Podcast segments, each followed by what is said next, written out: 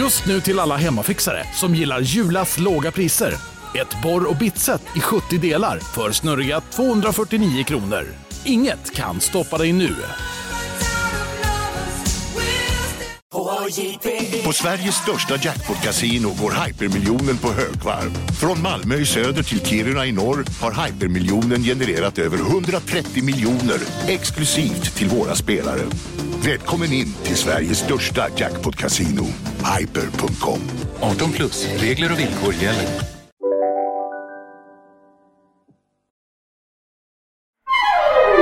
Du lyssnar på en podd från Perfect Day.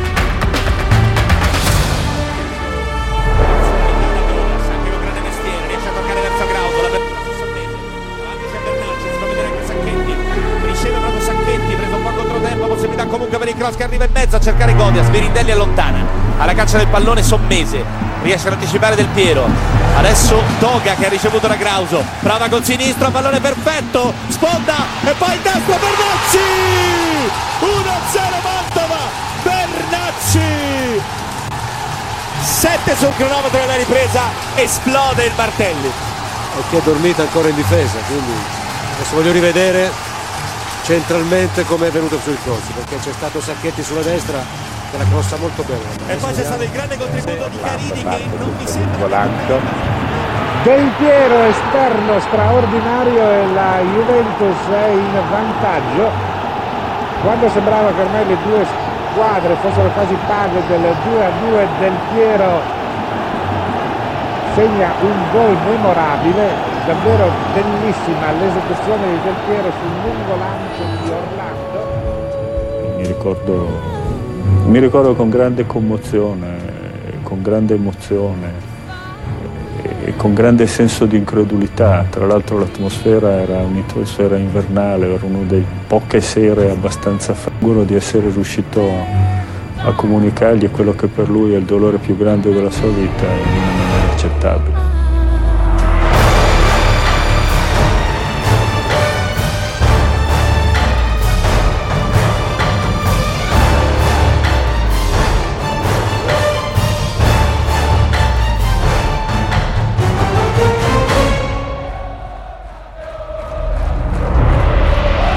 Förra veckan avslutade vi med att Juventus blev utslutna ur Serie A. Börjar Serie B med ett stort poängavdrag. Och inför den här säsongen känns det som att det här hade kunnat sluta i katastrof. Ja, det är ju ingen som med någon form av säkerhet kan säga vad som ska hända med Juventus. För under sommaren 2006 är ju liksom det rådande stämningsläget sånt att det övriga fotbollsitalien ser på ett slaget Juventus med någon typ av triumferande skadeglädje.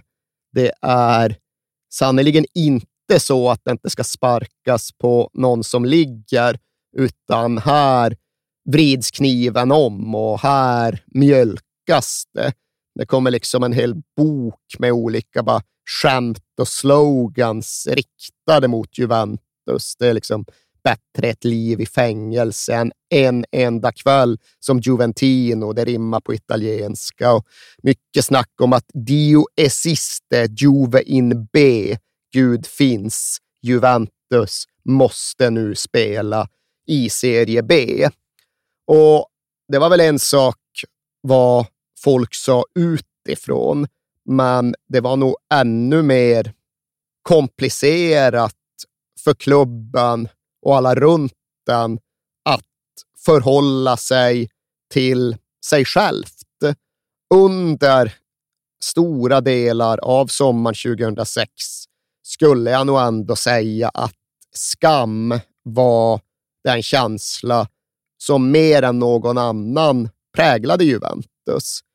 De gick någonstans med på sin skuld och de led tungt under den. Och det här var en känsla som sen skulle växla ganska snabbt och förbytas i något annat.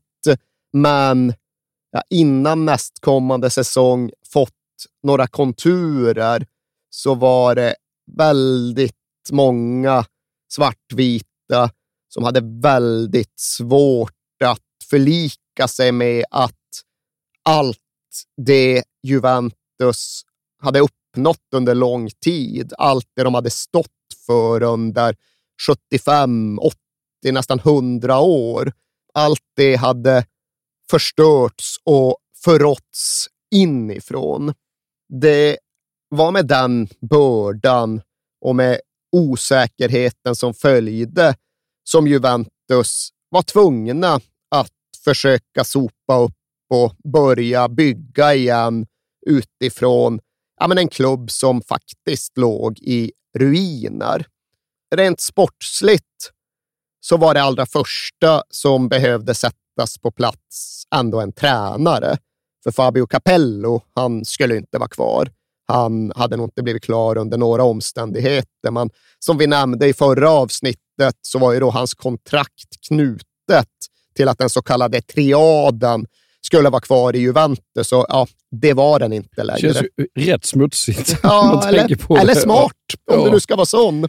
Ja. Men Juventus lyckas ändå tidigt rekrytera en välrenommerad tränare som ersättare. För den 10 juli presenterar de Didier Deschamps och det är faktiskt Juventus första utländska tränare på mer än 30 år. Det är den första sedan vår kompis Chestmir Vycpalek var där och glassa på 1970-talet. Chestmir som vi ju minns som... Är det Semans farbror? Exakt. Var det det? Ja, oh. Det var nog morbror, men vad fan. Oh. Du får rätt. Du får rätt. Men Deschamps tar ju det här ja, men, utifrån sett jävligt osäkra och otacksamma uppdraget. Mycket för att han faktiskt upplever att han står i någon form av tacksamhetsskuld gentemot en klubb som givit honom så mycket. För han hade ju varit så väldigt central som spelare under Juventus 90-talsera. Han hade vunnit tre Serie A och han hade vunnit både Champions League och Interkontinentalcupen. Så Juventus hade ju gjort honom till världsmästare innan han var världsmästare. Dessutom hade han ju även en bakgrund i Olympique Marseille, en annan klubb där värdet av bedrifterna kommit att ifrågasättas i efterhand. Mm. Så han var inte ovan vid att sitta på fotbollsmoralens anklagelsebänk. Och han blir den första nyckelpersonen i det nya Juventus.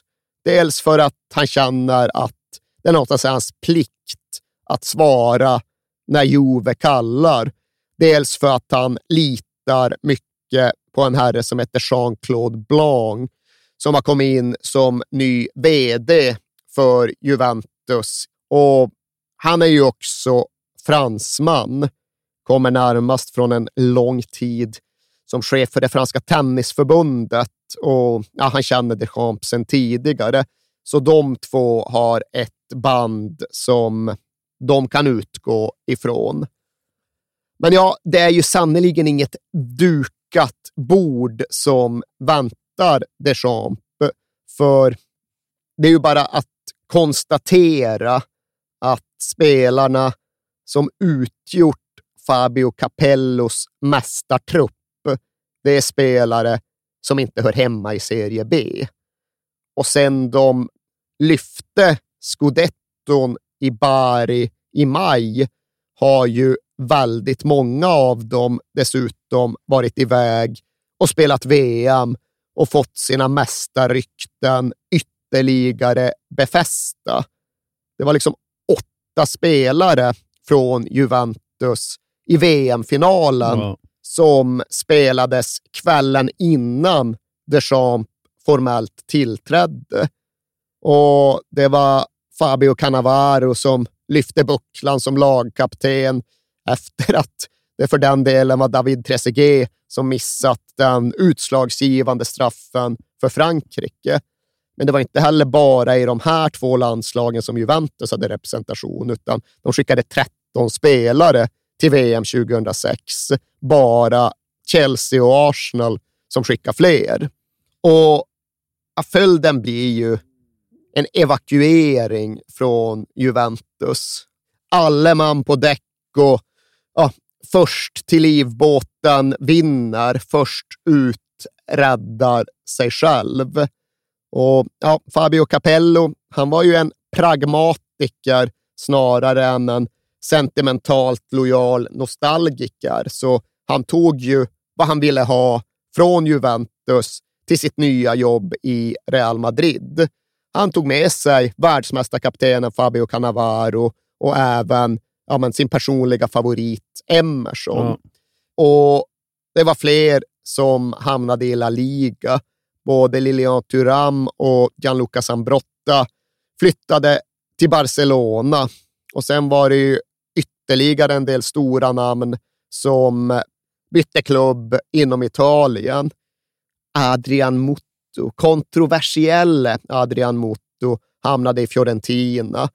Patrick Vera såg till att lämna för Inter och det gjorde ju efter mycket tjat och en hel del strejkande även Zlatan Ibrahimovic. Det känns nästan som att det var han de krigade mest för att ha kvar. Va? Ja, det är väl inte så konstigt. Dels sett till hans ålder och till hans alltjämt lite oförlösta potential och hans stjärnglans och därtill hans kontraktssituation. Mm.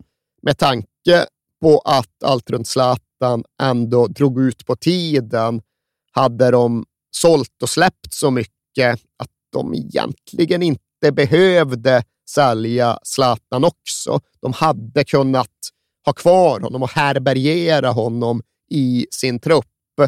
Men Zlatan Ibrahimovic var inte jättesugen på ett par säsonger i Serie B. Han satt och spelade tv-spel med ryggen till Deschamps.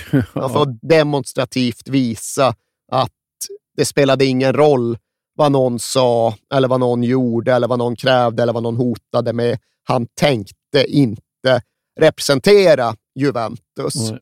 Och att flytta på det sättet till den klubben, liksom Inter, hade länge varit Juventus huvudrivaler och nu hade de någonstans blivit Calciopolis vinnare. Det var de som hade fått scudetton som fråntogs Juventus.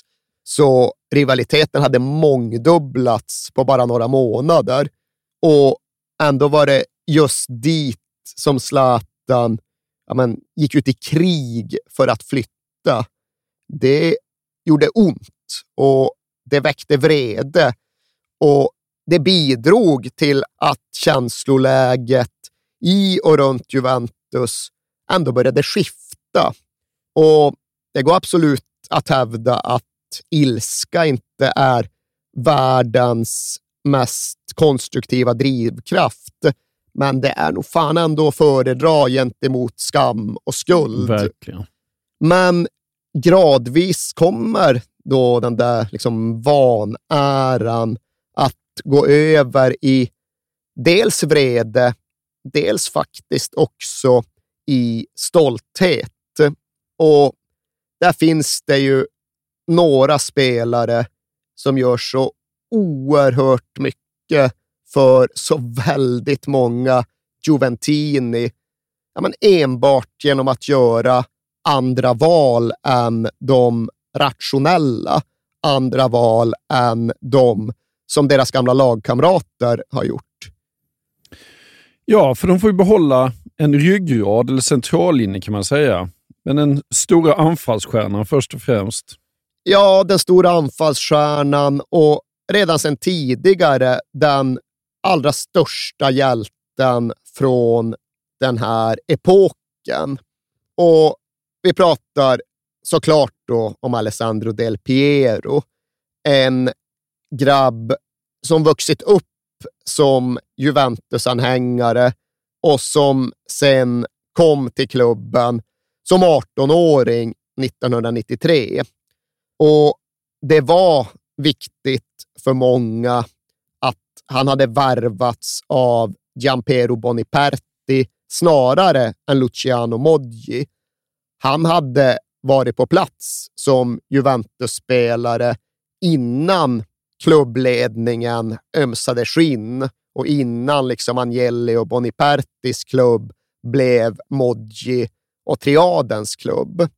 Och han hade även lyckats knyta band till supportrarna ja, men från första dagen då han anlände. För det var det någon vaksam journalist som först noterade och sen rapporterade om hur Del Piero efter den här liksom presentationspresskonferensen inte bara liksom slängde ifrån sig Juventus-tröjan han visat upp för fotograferna, utan hur han istället minsann vek ihop den noggrant och placerade den prydligt just på grund av att han var Juventini och hade med sig en innerlig respekt för och kärlek till klubben redan från början. Tidigt döpte ju Gianni Agnelli Del Piero till Pinturicchio, alltså den lilla målaren. Och detta utifrån ja, en bildning som innebar att Agnelli visste att Pinturicchio, han hade ju varit en typ av lärling till den stora mästaren Rafael ja. på det sena 1400-talet. Nu var Del Piero till en början någon typ av lärling bakom den stora liksom Ballon d'Or-vinnande Roberto Baggio. Ja. Men Marcello Lippi såg vad Del Piero var för någonting och tog ju beslutet att sälja Baggio eftersom att tröja nummer 10 på något sätt skulle uppgraderas ifall den bars av Alessandro Del Piero istället.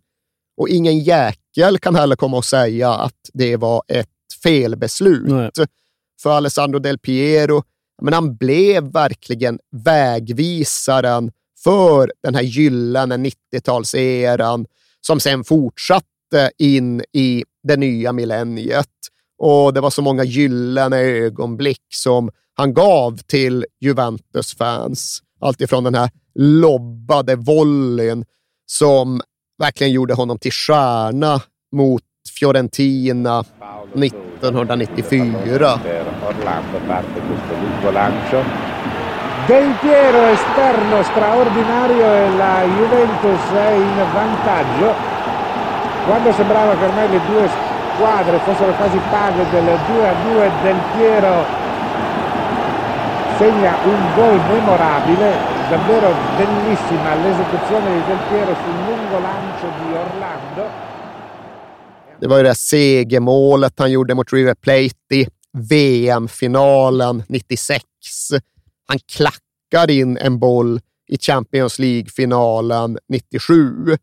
Han kommer fyra i Ballon d'Or 95 och 96 och frågade Juventus-anhängarna så menar de ju att han blev bortfuskad i de röstningarna. Ja. Han skulle ha slutat ännu högre, för det här var en liten kille som överglänste Roberto Baggio, som till en början även överglänste Zinedine Zidane. Men de hade ett jävla fint samarbete. Ja, ja, de... de var som bröder nästan på planen. Men som sagt, från början var det Del Piero som var stjärnan. Det var han som var Rafael ja. och Zidane som fick vara Pinturicchio. Ja. Men ja, sen är det främst 1998 som tar de två i olika riktningar. Först är det Del Piero som vinner skytteligan i Champions League och gör hattrick i semin mot Monaco och leder Juventus till en tredje Champions League-final i rad.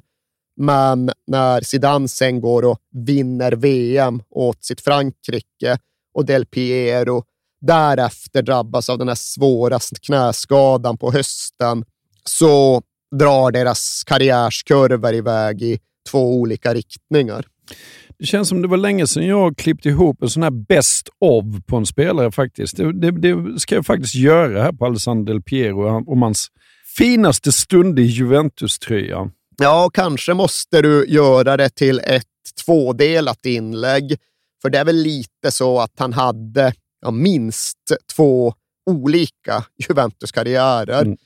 Ska vi förenkla det på tydligast möjliga sätt så hade han ju en karriär fram till knäskadan 98.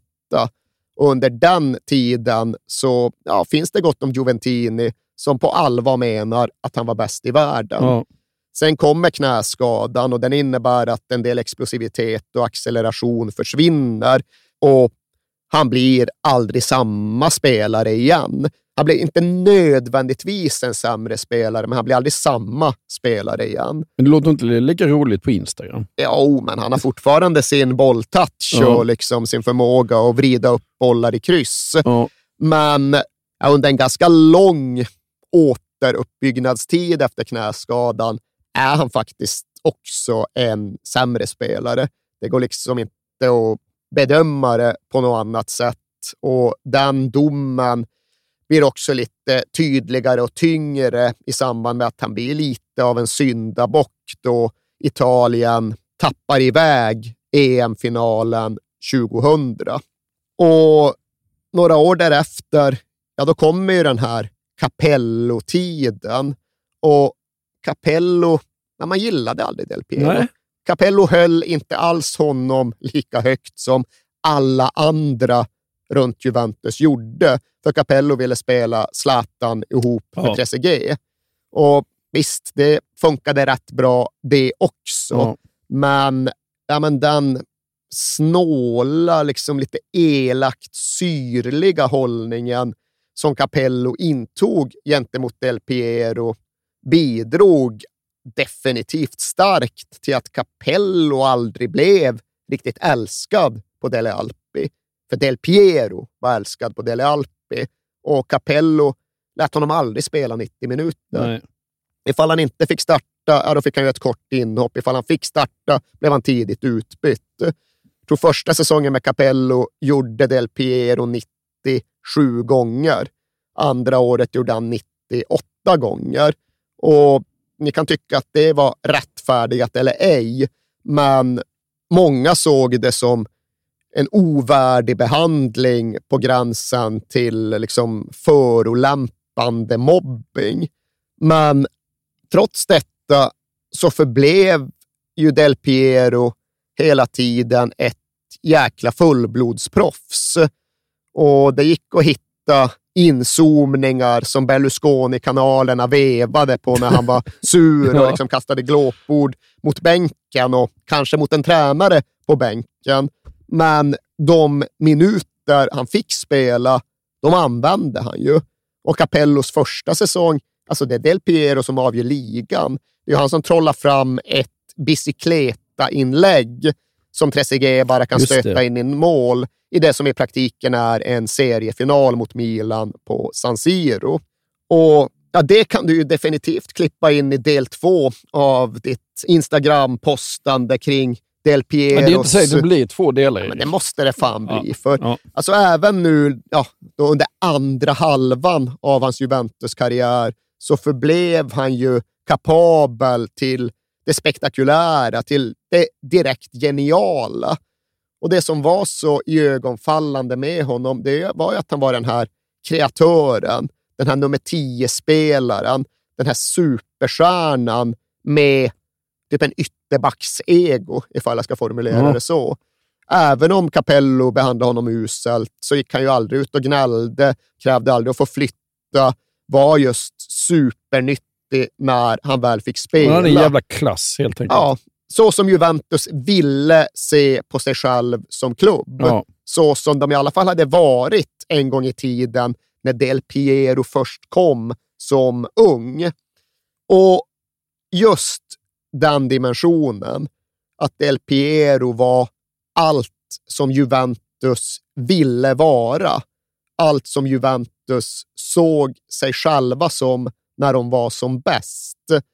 Det innebar ju att hans besked, hans löfte om att han faktiskt skulle stanna i klubben oavsett skandalen och tvångsnedflyttningen. Alltså, det beskedet transformerade fan hela Juventus. Ja. Det liksom fick klubben att resa sig upp med rakare rygg och stadigare blick igen. Och som den Piero själv formulerade i någon skrivelse runt det här beskedet.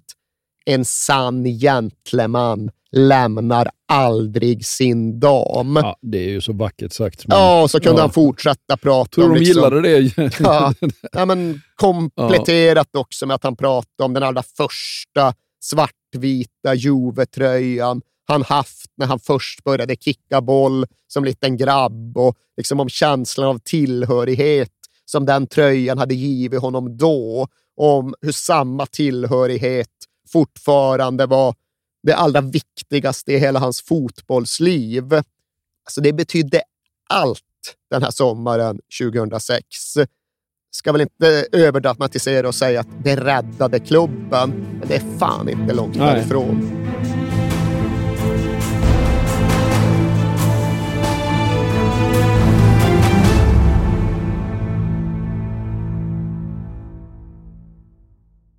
Jag vill inleda med att säga att det är garanterad jackpot på 13 miljoner på Stryktipset. Och fy fasen. Ja, visst.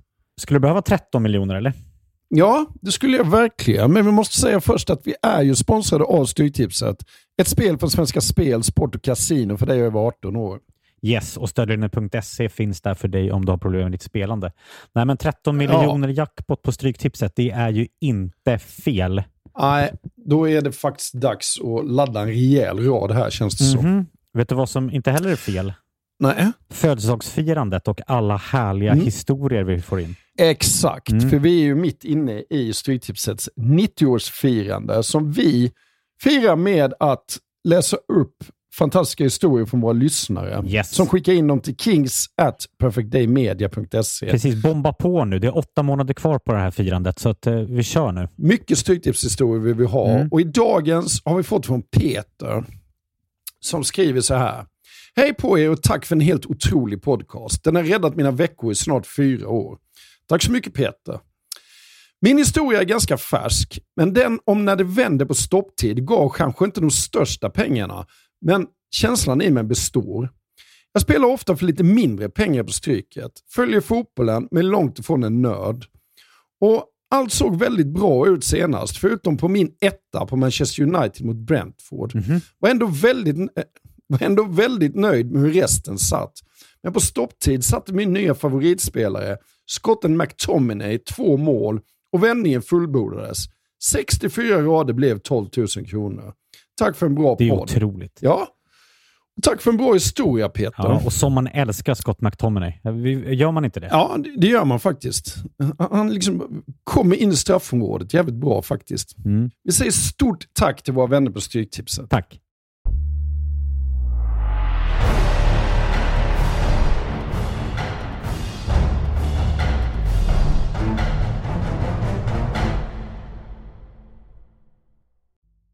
Men när en sån här nyckelspelare har gjort valet att stanna så var det lättare för andra att följa. Exakt så. Exakt så. Det bidrog också till betydelsen av Del Pieros beslut. Och det är fullt möjligt att Pavel Nedved hade stannat ändå, helt oberoende av vad Del Piero hade gjort, för han var ju också en extremt lojal och pliktmedveten superstjärna. Men det fanns ändå något i att hans beslut följde så tätt på Del Pieros och att hans motivering någonstans också lät som ett eko av Del Piero. För Nedved lät kommunicera att Juventus har givit mig allt. Jag erövrade min vinnarmentalitet här, den som fick mig att se varje match som en strid.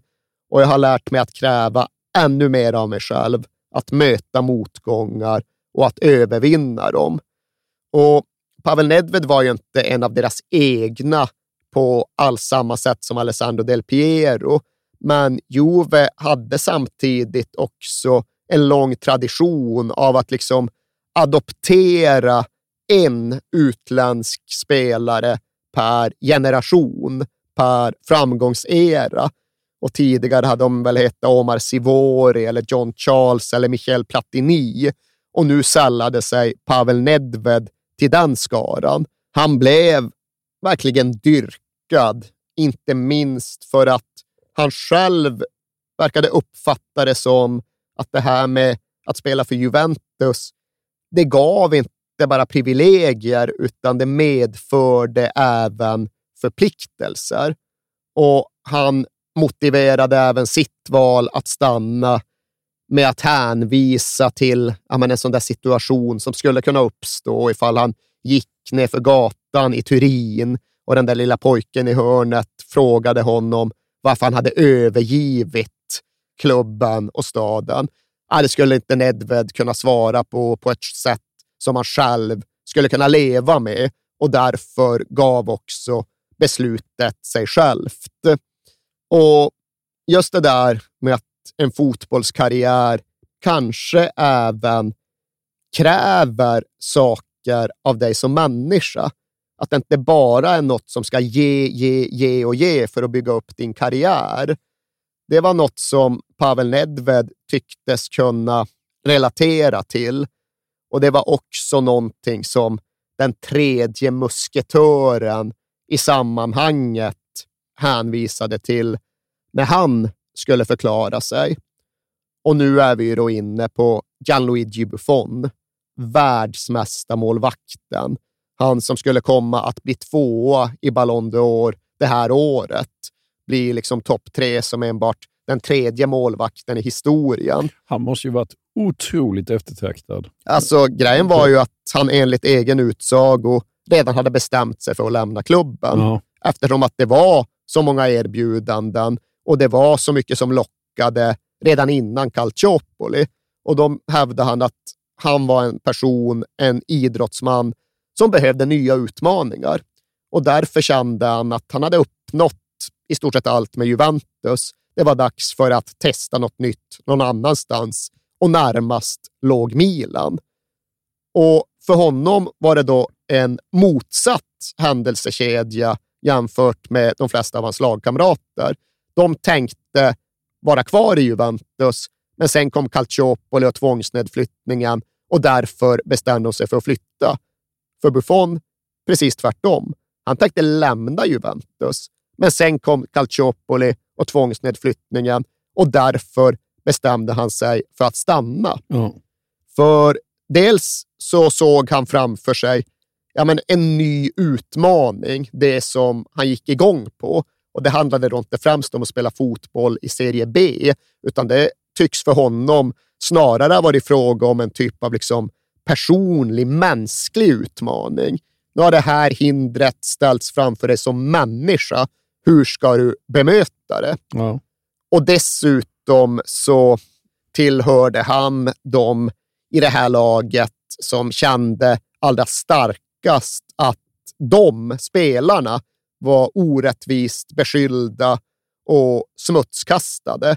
Det var liksom en väldigt innerlig uppfattning i Gianluigi Buffon att vad ni än tror och vad ni än bestämmer så vet ni inte, för det här är liksom förhastade slutsatser som dras och liksom domar som kommer utan en juridisk rättegång. Så han kände att det var en stor orättvisa som förelåg. Och precis som Zlatan såg han Modji i tårar och det gjorde väldigt djupt avtryck på honom. Och han såg familjer hamna i kläm och ja, han såg Gianluca Pesotto. Han såg den gamla lagkamraten ligga i sjukhussängen svävandes mellan liv och död.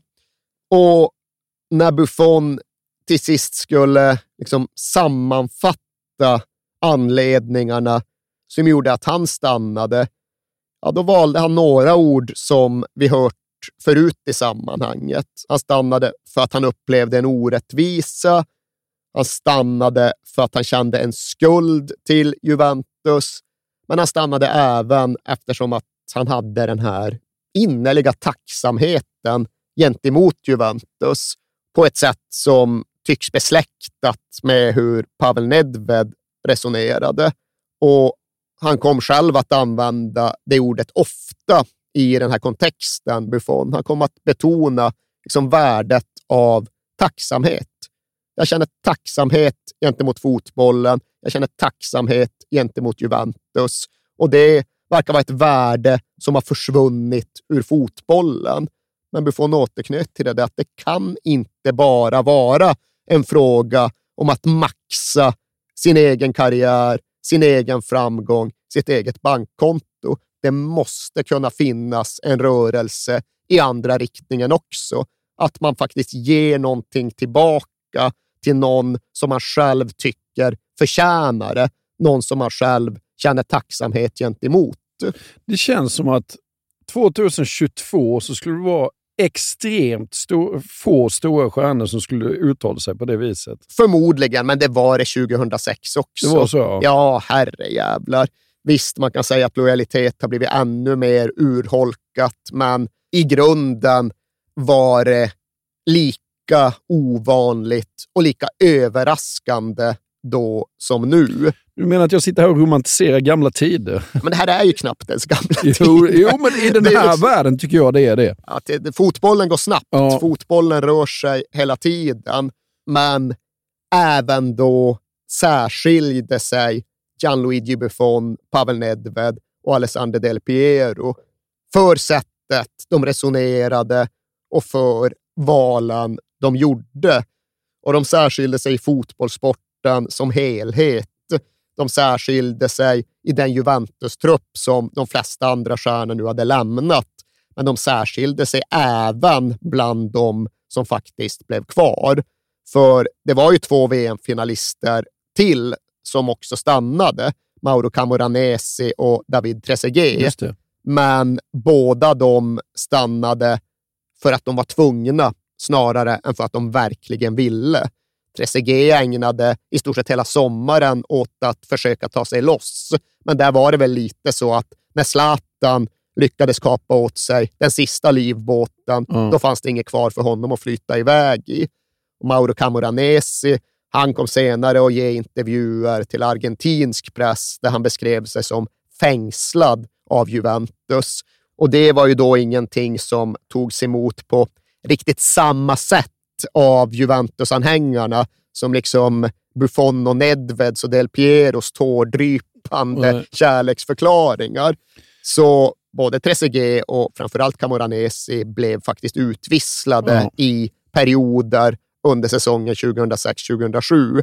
Men inte från första början, för initialt fick de någonstans segla med i den här ridderlighetsskutan. De buntades ihop med Del Piero, Nedved och Buffon och liksom Curva Chirea, den ja, men främsta hemmakurvan.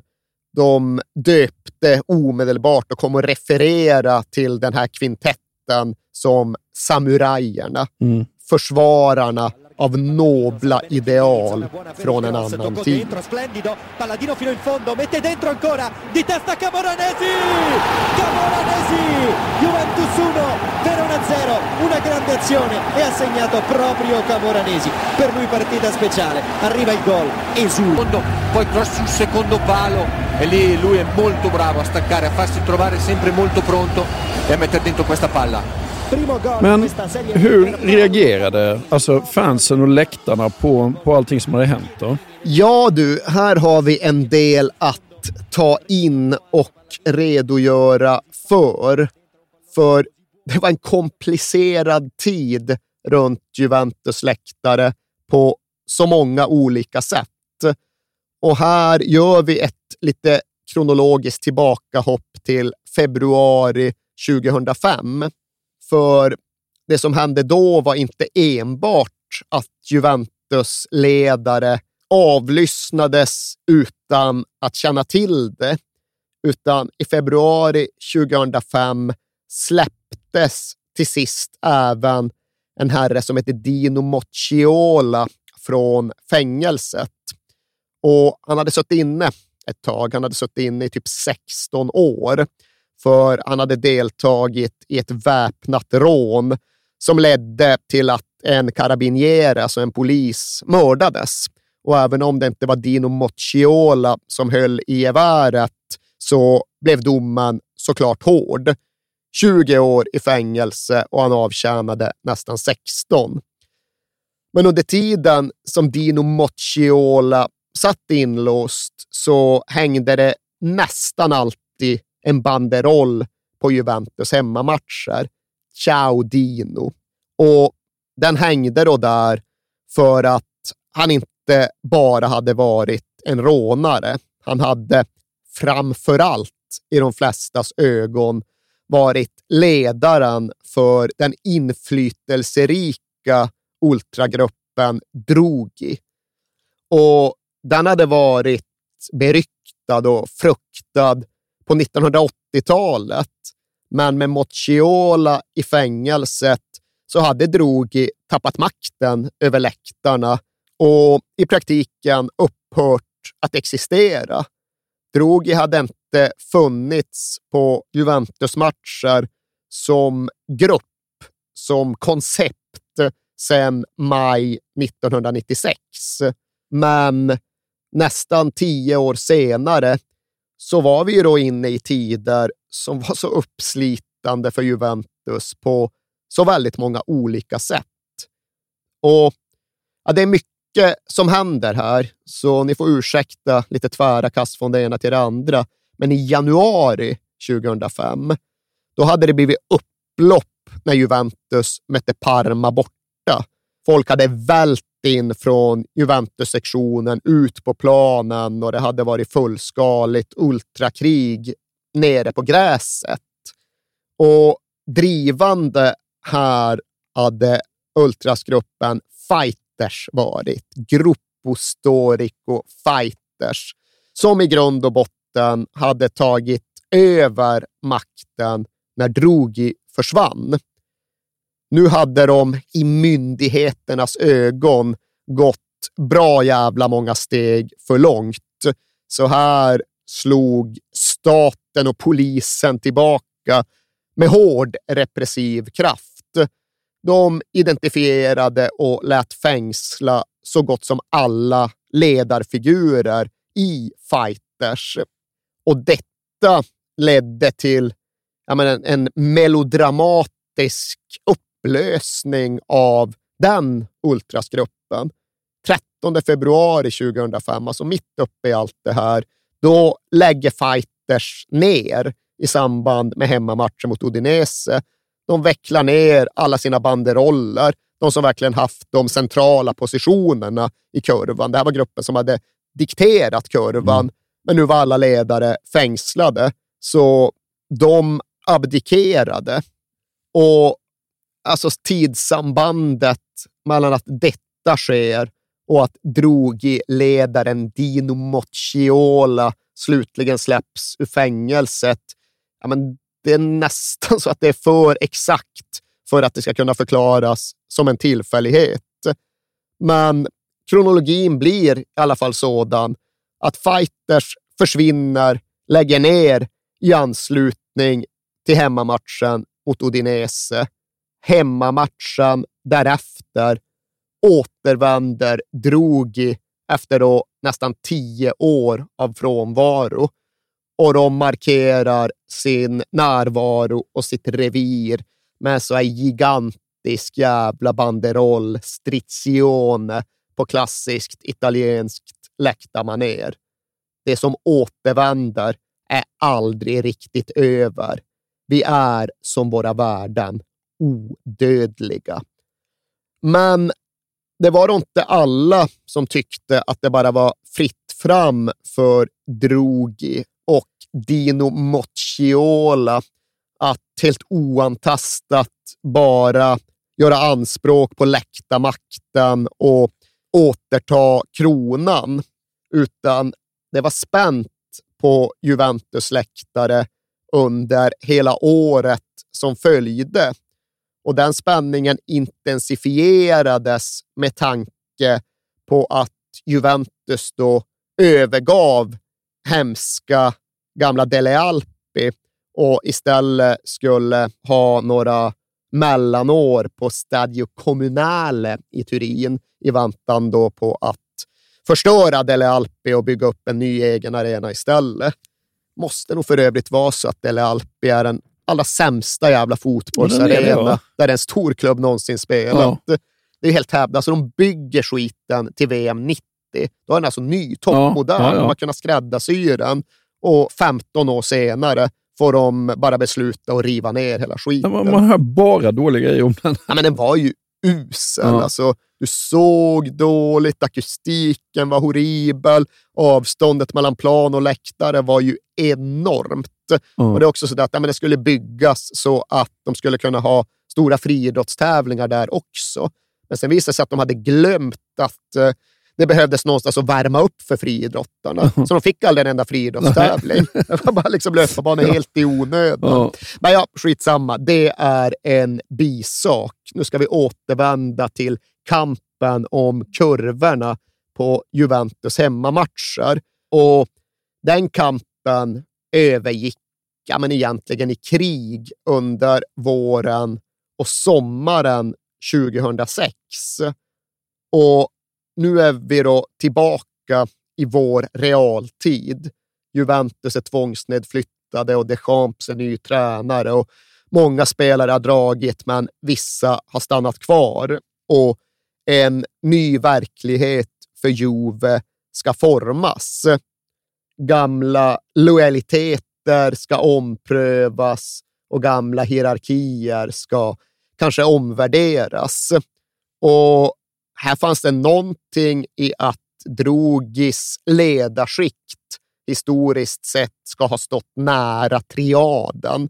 De ska liksom ha utbytt tjänster och gentjänster på Modji-manér. Ja. Men framför allt var det liksom den rent territoriella makten som skulle befästas eller erövras.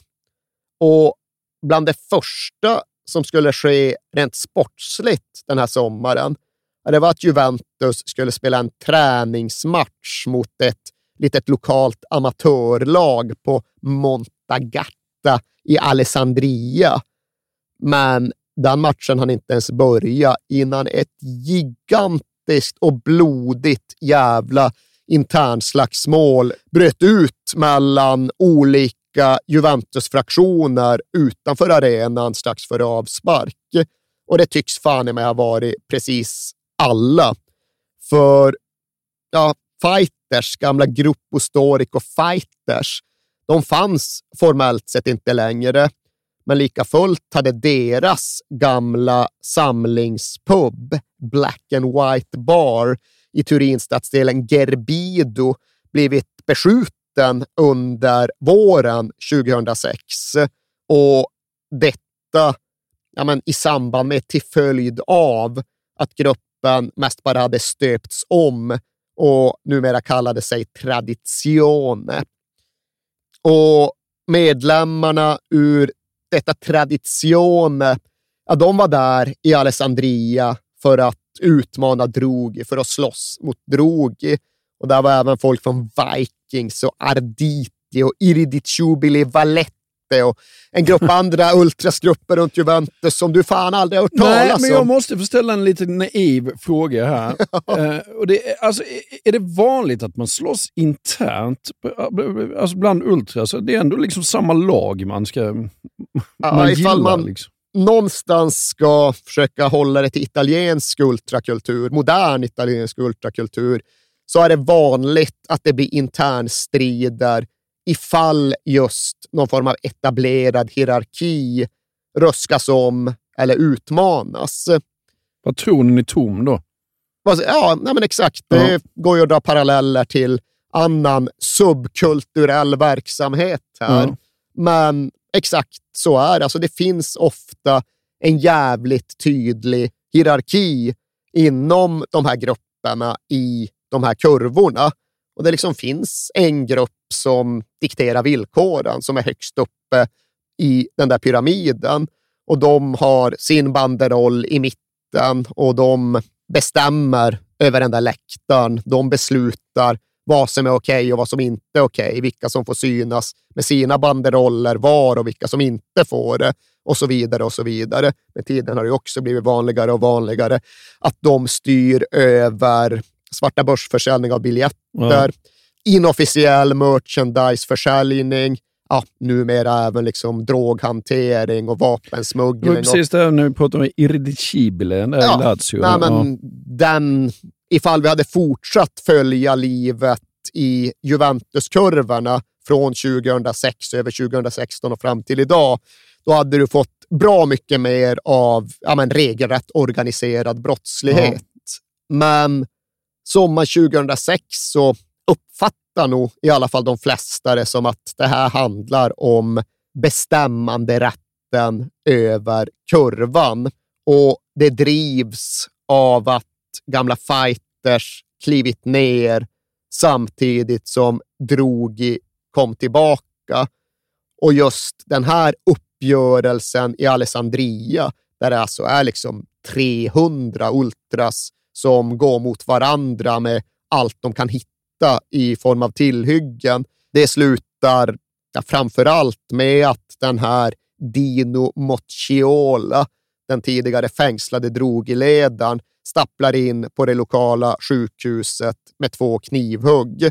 Och det är ingen livsfara som föreligger för honom, utan det är väl kanske mer en föraning om att det här inte är det sista blodet som ska flyta i den här striden den här säsongen.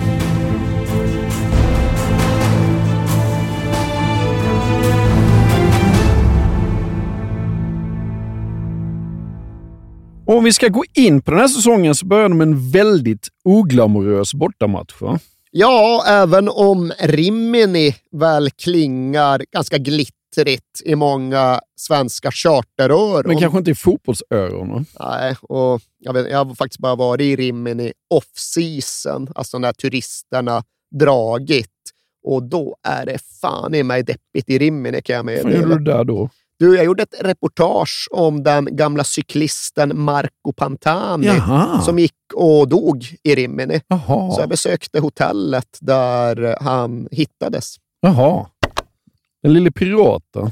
Ja, just det. Det var på den tiden jag var sportjournalist Ja. och inte fotbollsjournalist. Så fan, man skrev om cykel. man Ja, men fan om- vad cykel var stort när han var stor. Ja, fan vad cykel var tråkigt då som nu. Ja, ja. Han dominerade Tour de France. Ja, jo, jo. Det, det, må, det må så ha varit. Ja. Ja, det här är en match som spelas i början av september och i och för sig så pågår ju den italienska semestersäsongen längre än den svenska. Men de flesta turister hade nog hunnit packa ihop och dra hem. Men för den sakens skull var verkligen inte Riminis gator tomma och övergivna den här dagen, utan tvärtom. Det var så nära folkfest ett småhöstigt Rimini nu överhuvudtaget kan komma.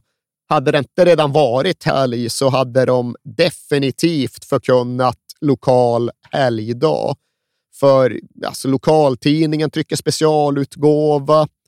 All ledighet för poliserna i stan hade dragits in med tanke på anstormningen som väntade. Och det trycktes ja, men mer eller mindre turnémerch. Liksom. Jag var där och så då datumet den 9 september 2006, Stadio Romeo Neri, Rimini. Och ifall nu någon hade haft några illusioner, ifall det fanns en föreställning om att det kanske inte behövde vara så stor skillnad mellan serie A och serie B. Ja, allt sånt liksom bara upphävdes och upplöstes den här dagen. För att komma till Rimini, det var verkligen ett barskt uppvaknande kring att fotbollsrealiteten såg annorlunda ut här nere. Rimini, alltså Rimini var också ovana vid serie B, men det av motsatt anledning. De hade inte varit så högt upp i seriesystemet på 25 år. De hade ju aldrig varit i Serie A, så de hade ju aldrig mött Nej. Juventus. Och arenan vet fan om den ens ska beskrivas som en sån, för med svenska mått mätt är det ju en idrottsplats. Det gick inte in 10 000 Han åskådare ser ut som där. Fredrik Skans nu när jag kollar på bilden. ungefär. Ja, inte så jävla dum Nej. liknelse faktiskt. Också nära havet och sådär. Ja. Och liksom, jag tror officiellt så tog de in 9768, det är maxkapaciteten. Ja. Men ändå var den officiella publiksiffran 10,5. Ja. De kunde liksom inte ens låtsas. Nej. Vi kan inte påstå att vi höll oss till maxbegränsningarna här. Vi får gå med på att vi släppte in några hundra Ja. för mycket. Och det var räkla. Folk hade tältat utanför stadion i tre dygn för att få biljetter. Och Ja. De som inte kunde fuffla sig in på något sätt, där de tog sig in på det lokala sjukhuset bredvid. För det var en sjukhuskorridor som hade bra översikt över arenan. Och därifrån kunde man då se det overkliga hända. Juventus springa ut för att för första gången i hela historien spela andra divisionsfotboll. Och symboliskt nog så sprang de ut i helsvart matchställ, någon typ av sorgdräkt. Ja. Och det blev bara ännu deppigare eftersom att de hade Tam Oil på tröjan. Alltså det statliga libyska oljebolaget, Ja, ja, ja. Gaddafis oljebolag. Och detta kom sig av att Fiat faktiskt hade haft ett långvarigt samarbete med Gaddafi-regimen. Men kanske för att väga upp detta lite grann så hade de flesta spelarna lite i smyg armband på sig som anspelade på den föregående säsongen och på den mästartitel som de fortfarande tyckte sig ha rätt till. Och detta ackompanjerades visuellt av en liten begränsad bortasektion på randen till fysiskt inbördeskrig, men där supportrarna och ultrasgrupperna ändå tycktes ha enats kring en gemensam banderoll. En som anspelade på de flyttade, de flyende spelarna som legosoldater utan ära. Ja. Alltså det är oglamoröst att åka till Rimini på, och spela första matchen, men det är rätt oglamoröst att lämna Rimini med bara en poäng också. Ja, det är ju så det kommer att bli. För alltså, det är en svårspelad match. Det kan man nog förutspå på förhand. Men det är klart att Rimini kommer från Serie C och Juventus kommer från ja, mer eller mindre toppen av Europa. Ja. Även om det är cupfinalskänsla för hemmalaget är det klart att Juventus ska lösa det. Och det verkar också som att de kommer att göra det. För de tar ledningen med 1-0 och Rimini drabbas av en utvisning. Så Juve har spel mot 10 man i 1-0-ledning under de sista 20 minuterna. Och lika jävla fullt så är det ju inte Fabio Cannavaro och Lilian Thuram som spelar mittbacka för Juventus längre. Det är Robert Kovac och Jean-Alain Boumsong. Och det borde ju vara väldigt, väldigt skickliga spelare på Serie B-nivå. Ja. Men kan man sin Jean-Alain Boumsong så vet man att det finns ett misstag eller tre i de fötterna och ett sådant kommer att begås. De liksom sjabblar till det gemensamt, de båda mittbackarna. Och så är det en motståndare som får springa igenom och bli fri mot Buffon och kan rolla in kvitteringsmålet. Och 1-1 slutar det och Riminis spelare springer ärevarv. Som det brukar ja, De firar som att de har vunnit en cupfinal eller titel. Eller, ja, det gjorde de. Ja. Och det hade de fan rätt till Ja. också.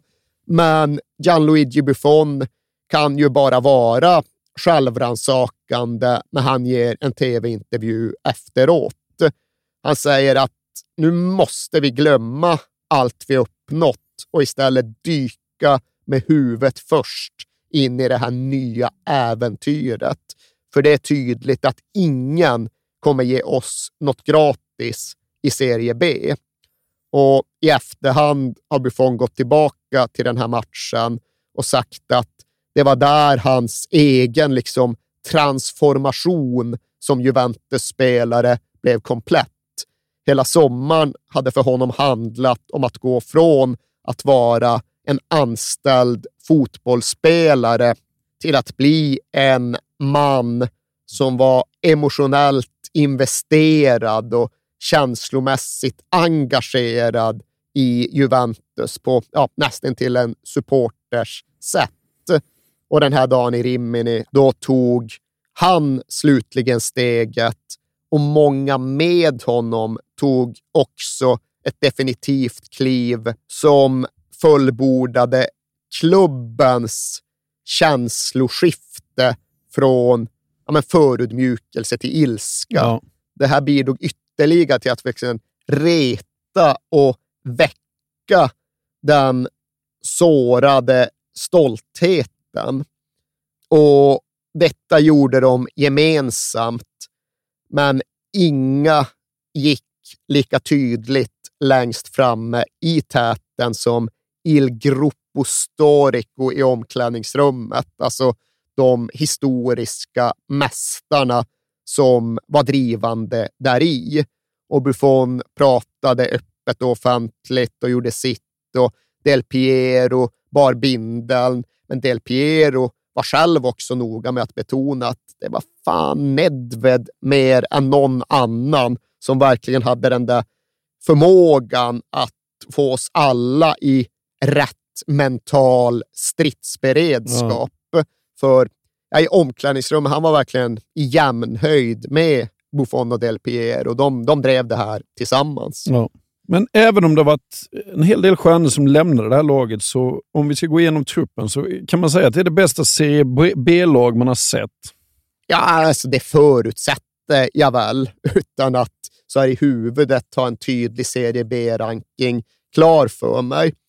Men jag tänker inte göra det vi brukar göra och liksom blåsa igenom truppen bakifrån och fram, eh, från position till position. Jag tänkte summera den genom att dela upp den i fyra olika kategorier.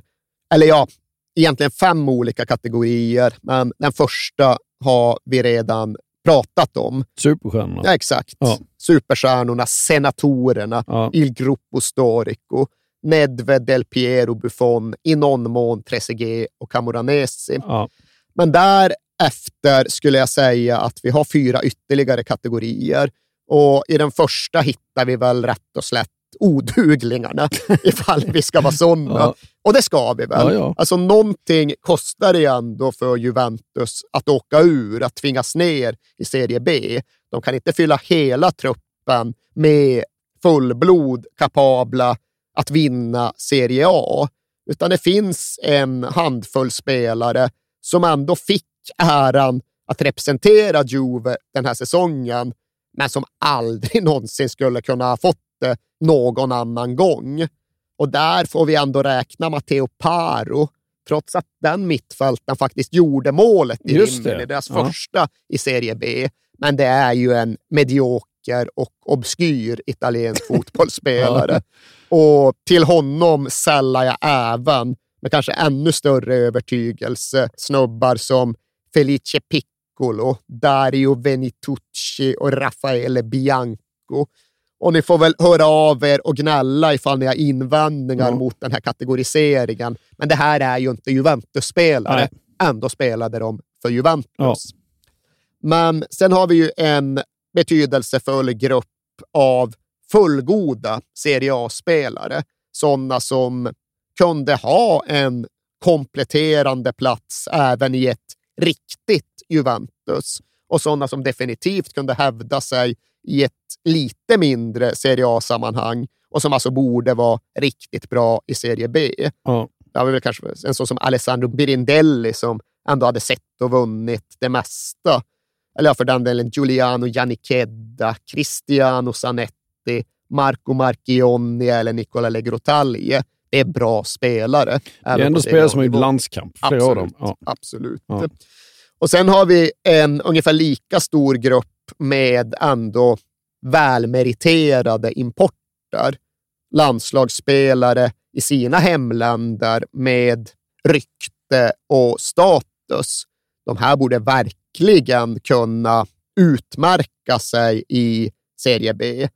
Och där har vi då Valeri Boginov, Bulgaren, Marcelo Zalajeta, Uruguayanaren, kroaten Robert Kovac och så då fransmännen Jonathan Sebina och för den delen Jean Alain Boumsong. Ja. Men alltså, det är ju bra spelare. Det är riktigt bra De har spelare. gjort många landskamper. Ja, ja, ja, ja, ja. Men förutom senatorerna och cheferna skulle jag väl säga att den sista kategorin kanske är den mest intressanta. Är det stjärnskott eller? Ja, eller exakt. Unga? Där hittar vi ja. de unga, oerfarna spelarna på väg upp. Spelarna som kanske inte hade fått sina debuter så här tidigt, eller kanske inte alls, ifall inte Juventus hade hamnat i det här sammanhanget.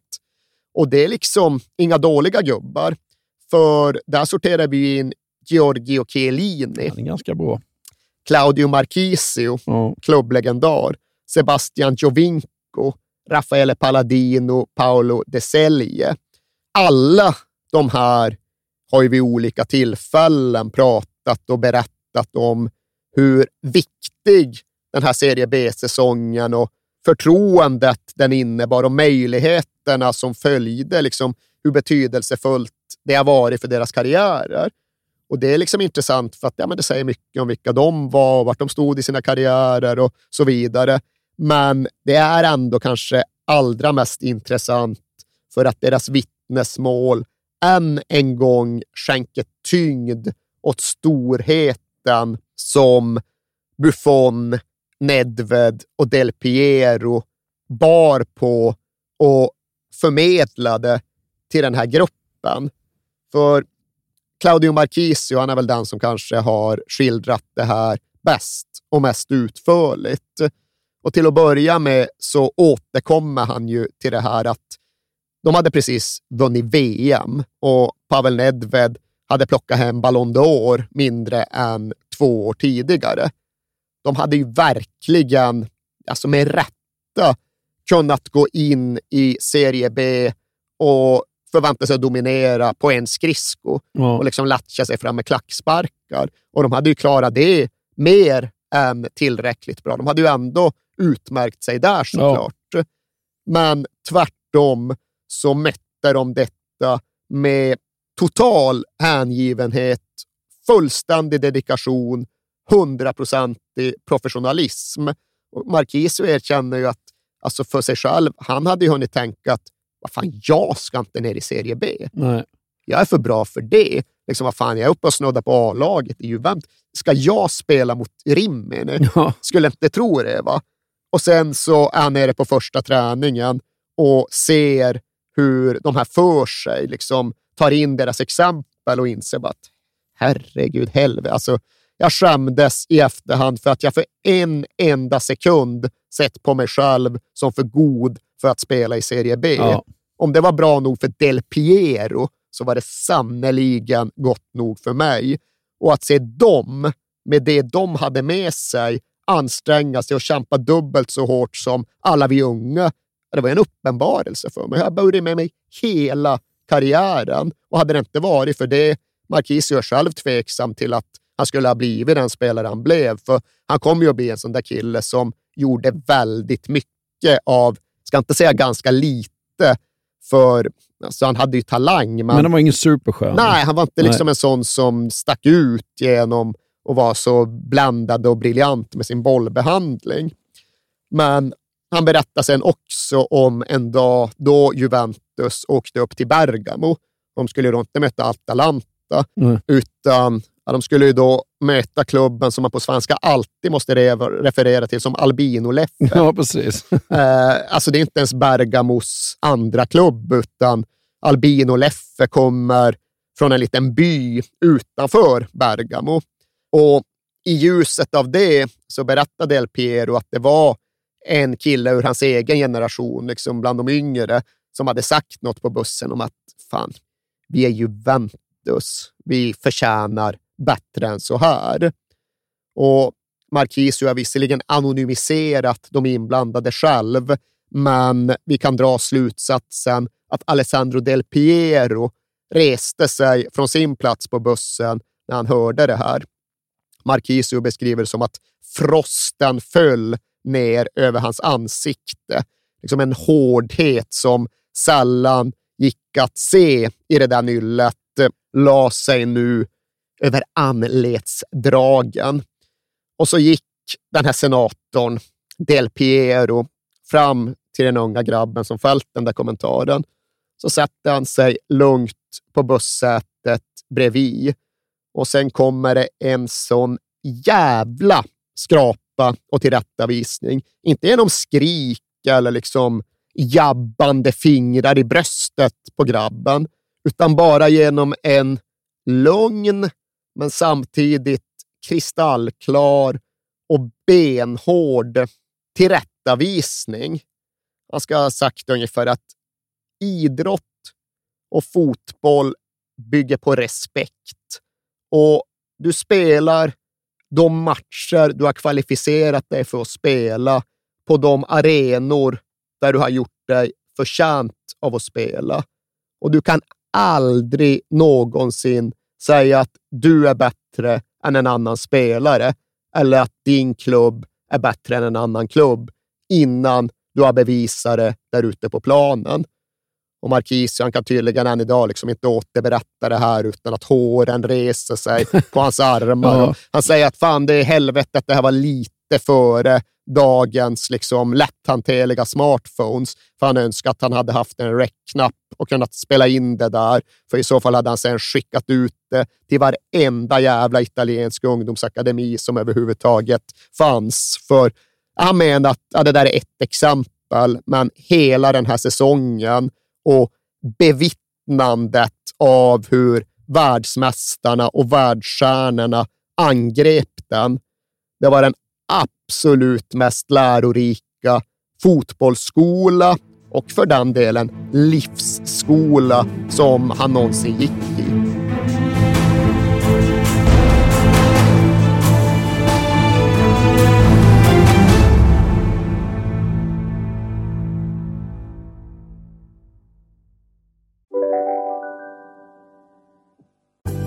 Synoptik här. Visste du att solens UV-strålar kan vara skadliga och åldra dina ögon i förtid?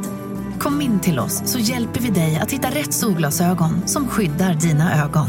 Välkommen till Synoptik. Välkommen till Momang, ett nytt smidigare casino från Svenska Spel, Sport och Casino där du enkelt kan spela hur lite du vill. Idag har vi en stjärna från spelet Starburst här som ska berätta hur smidigt det är.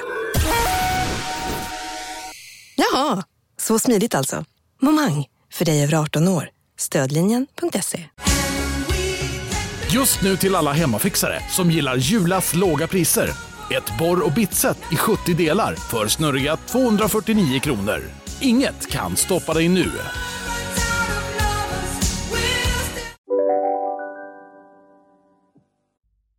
Och den här supinställningen, ja, men det, det ger ju effekt.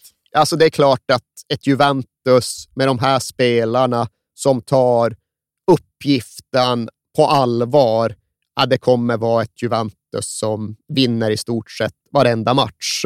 Och det är det som händer efter Rimini. Juventus vinner åtta raka och stjärnorna är såklart huvudpersonerna.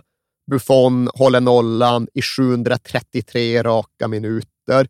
Del Piero passar på att göra sitt 200 mål för Juventus mot Frosinone. Och när de besegrar Treviso, ja då jävlar, då klättrar de faktiskt upp från sista platsen. Ja. För då är de ju uppe på positivt antal poäng, trots att de då inlett på 17 minus. Så det är äntligen lite frid och fröjd i Juventus läge nu då? Ah, det beror ju på hur vi ser på saken. Trots allt är de inte i en position där de enbart kan glädja sig åt segrar på fotbollsplanen. För det är fortfarande rättsprocesser som knappt ens har påbörjats och det är därtill det där inbördeskriget i kurvan som nu rasar med ännu högre eldslågor. För Adrogiledan hade blivit knivhuggen under försäsongen. Precis före säsongstarten, ja då dyker det upp 30 maskerade gossar utanför den här gamla samlingspubben där Tradizione, tidigare fighters, håller till och bara trashade den pubben fullständigt. Och sen, bara ett drygt dygn före hemmapremiären, ja, men någon form av Braveheart-liknande slutstrid. För med ja, men varenda polisledighet indragen så hade faktiskt Rimini-polisen lyckats hålla de olika Juventus-fraktionerna åtskilda under själva premiärdagen. Så där hade aldrig den här den där uppgörelsen kommit. Men det tycktes ligga i ultrasgruppernas eget intresse att få det här avklarat och avgjort före hemmapremiären. Så den 14 september hade de tydligen stämt tid och plats för att på egna villkor med egna regler utkämpa La Battaglia del Delle Alpi. Och det, är olika, det är faktiskt olika skildringar här. Liksom även polisrapporterna är inte samstämmiga. För vissa säger klockan tio i sju på eftermiddagen, andra tio i sju på morgonen. Jaha. Jag väljer nästan att tro på morgonen, Ja, för det det är någonstans Ja. mer ödesmättat Ja. då. Men då ja, dryga hundra pers från två olika sidor och det är baseballträn och det är tillhyggen och det är fan inte kul någonstans. Men det är tydligen en slutstrid som innebär att Drogi då återtar den definitiva härskarrätten över hemmakurvan och allt den medför. De tog sig rätten till den södra kurvan medan Tradizione och Vikings och deras undergrupperingar fick gå i exil till den norra. Men ja, det är svårt att på något sätt se detta som någon särskilt ljus läktartid i och runt Juventus. För ja, det är hela den här situationen och det är ju dessutom då mellanperioden på Stadio Comunale som väntar innan den nya egna arenan hinner byggas. Och den här säsongen så kommer Juventus publiksnitt vara nere på ganska prick 18 000. Ja. Och det är inte så att det var några Dortmund-siffror på Dele Alpi heller. Men Juve hade ändå varit uppe och snudda vid 50 000 i snitt i slutet av 90-talet. Och nu var det alltså inte mycket mer än en tredjedel av dessa kvar. Nej. Och det är klart att Juventus saknade Serie A, men Serie A saknade även Juventus. För även där sjönk hela ligans publiksnitt ner under 20 000-strecket. Och ah, det är ju ärligt talat liksom ovärdigt. Det är ju i linje med den engelska andra divisionen. Och där ska inte det italienska publiksnittet ligga. Så enkelt är det ju. Nej. Och det idrottsjuridiska då? Ja, alltså det mullrar ju på trots att sista ordet, sista punkten egentligen var satt. För fotbollens domstol hade ju sagt sitt, hade kommit med dom. Men det finns alltid en till instans och institution att vända sig till ifall du nu inte är nöjd med ett utfall. Och i september 2006, ja, då väljer han Guido Rossi att avgå som interimpresident för italienska fotbollsförbundet med motiveringen att nu har det blivit uppenbart för mig att alla, eller nästan alla, är emot verklig förändring av fotbollen. Och detta var en hållning som man hade fått delvis för att ja, alla vägrade sluta processa. Och det är liksom, det är komplicerat, det är en djungel, men det är någonting med att trots att fotbollen sagt sitt så kunde de här förorättade klubbarna vända sig till någon jävla domstol knuten till den italienska olympiska kommittén. Ja. Och den kom nu då med sitt utslag i slutet av oktober. Och det var rätt och slätt mildare straff för alla berörda. Lazios poängstraff det gick ner till minus tre. Fiorentina tror jag till om det var minus 15 eller något. Och Juventus plötsligt bara minus 9. Ja. Ja. Hade ju varit minus 17. Ja. Så här bara ja, men tilldelades de åtta extra poäng. Och alldeles nyss hade de ju hävt sig upp från sista platsen. Ja. Nu bara susar de upp till en tredje position och alltså har väldigt starkt hugg på direktuppflyttning redan när de åker till säsongens svåraste bortamatch i Neapel. Och den slutar 1-1 efter en sen straff för Napoli. Så... Man, man gillar ju ändå att, eh, att, eh, att de 60 000 slä, släpar sig till San Paolo för en CB-match. Liksom. Ja, men vad fan, den hade man ju gått på. Jo, jo, jo Napoli, Juventus ja. i toppen av Serie B. Man, nej, alltså, det var bra tryck där. Och det de berörda berättar är ju att alltså, inramningsmässigt, upplevelsemässigt i Serie B var ju Neapel och Genoa som det alltid brukar vara. För ja, det var ju rivaler från förr och från framtiden som också råkat snubbla ner i Serie B under just den här säsongen. Så Genoa borta, Napoli borta. Där var det ju solo rubare, sapete solo rubare. Allt ni kan är att stjäla. Ja. Och liksom heta matcher, intensiva matcher. Pavel Nedved gick ju och blev utvisad mot Genoa efter att i grund och botten ha stämplat domaren. Och han straffades ju hårt, fick fem matchers avstängning och beskriver det någonstans själv, liksom öppen, ärlig och självrannsakande som han är, som att han faktiskt dukade under, under ja, men det generella trycket. Ja. Hårda krav på sig själv, stort ansvar. Spelar ingen roll tydligen att det här är en Ballon d'Or-vinnare. Han kände själv att det var så jävla mycket som hängde på honom, att det var så viktiga matcher som spelades, att när saker gick emot, ja, det kokade över. Ja. Han klarade inte av att kontrollera sig själv och då spelar det ingen roll om det är EM-semi eller Genoa i Serie B. Buffon också. Alltså, han gick och blev utvisad mot Albino Leffe. Ja. Och liksom Juventus fick totalt åtta röda under den här säsongen. Vissa tolkar det, ja men nu har de inte domarna med sig längre. Nej, just det. Andra drar slutsatsen att ja, men de kämpar, de krigar, de strider på ett sätt som rätt ofta till och med knuffar dem över gränsen. Men det var då den ena sidan av serie B-odyssén.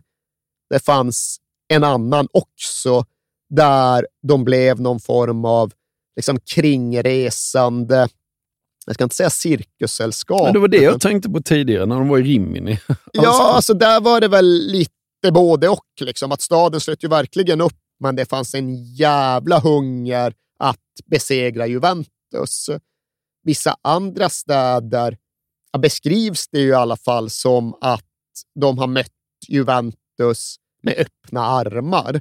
Och här finns väl dels en komponent av att Juve är ju ja, men på många sätt Syditaliens största klubb. Ja, men 11 miljoner fans i Italien. Va? Ja, det beror på vem Sägs som det. räknar på vilket sätt. Men, men det är den här hela grejen att ja, folket som har anor i Turin, de håller snarare på Torino, ni vet Grande Torino, 40-talslaget, medan då Juventus kommer att bli ja, men den fattiga arbetskraftens lag. Alla de som flyttade upp från södra Italien till norr för att jobba på fabrikerna, de blev Juventus. De kanske flyttade hem sen och förblev Juventus. Och när de sen fick barn så blev deras barn Juventus och släkterna blev Juventus. Och detta medför då att i modern tid så är liksom Kalabrien, alltså längst ner på vad fan säger man, den italienska tåspetsen, ja, men där är folk, alltså det, där är Juventus största klubben. Ja. Campania strax norr, samma sak. Och jag vet inte om det är helt sant, men det finns definitivt en kärna av sanning där. Ja. Och detta ska det också ha bidragit till den här känslan av kunglig Eriksgata. Ja, Oj, nu kommer Juve till någon stad nere i södra Italien och de blir bemötta som hjältar, vilket naturligtvis även förstärks av att de var hjältar. Ja. Liksom Buffon hade varit anklagad för illegal betting före VM. Folk tittade snett på Buffon. Efter VM så är han en nationalsymbol, ja. en nationalikon. Del Piero avgör semifinalen. Camoranesi gjorde sitt. liksom en liten bit av de här spelarna tillhörde inte Juventus, utan de tillhörde hela Italien. Buffon påstår att när de kommer till Crotone så ska 60 000 människor sluta upp på gatorna för att applådera in dem i stan. Han, han står ju alltid närmast kurvan, så han har blivit så häcklad och förolämpad och liksom bombarderad med tillhyggen under sina år att eh, ja, stridsärren finns där. Men i Crotone och sjunger bara hemmakurvan att de vill se Gigi Buffon hoppa och han får liksom hoppa med för att, göra, för att gå dem till mötes och göra dem till viljes. Ja, där har ni någonstans den Juventus-ljusa sidan av de här Serie B-eskapaderna. Det är ju ljusa sidor av det, men det tillkommer ju ännu mer nattsvart mörker. Ja, nya nyanser av mörker lägger sig precis när man vill tro att liksom, det är de goda nyheternas tid. För i december 2006, då återvände faktiskt Gianluca Pesotto till arbetet och han gör själv inget väsen av sig. Klubben gör ingen stor sak av det, men bara att han är uppe på benen och tillbaka i Juventus tjänst, det gör ju jättemycket med liksom, atmosfären runt högkvarteret och träningsanläggningen. Men det här är huvudsakligen inte någon feel good och det ska dessvärre snart komma att bevisas. För den 15 december, när det närmar sig jul och ledighet, då ska Juves Primavera-lag återvända till omklädningsrummet efter utfört träningspass. Men två av spelarna dyker aldrig upp. De kommer aldrig till omklädningsrummet och efter någon halvtimme börjar ju folk undra vart fan de har tagit vägen. Alessio Ferramosca och Riccardo Neri. Den ena 17 och den andra 16. Vart är de? Och Juventus har då ganska nyss flyttat in på en ny träningsanläggning, toppmodern och liksom specialdesignad såklart i Vinovo sydväst om Turin. Och av inslagen där var en konstgjord liten sjö som både skulle se fin ut och samtidigt liksom kunna samla regnvatten för att minska anläggningens klimatavtryck. Men av en eller annan anledning så drog man tydligen för ja, någon typ av presenning vissa vinterdagar. Jag vet inte riktigt varför. Mm. Men nu visade det sig att den där presenningen inte låg som den skulle. Och anledningen till detta var att det hade fastnat några förlupna bollar längre ut på det där skynket. Och det är väl ingen som riktigt vet ifall Ferramosca och Neri inte förstod att det var just en presenning, att de liksom uppfattade det som fast mark på ett eller annat sätt.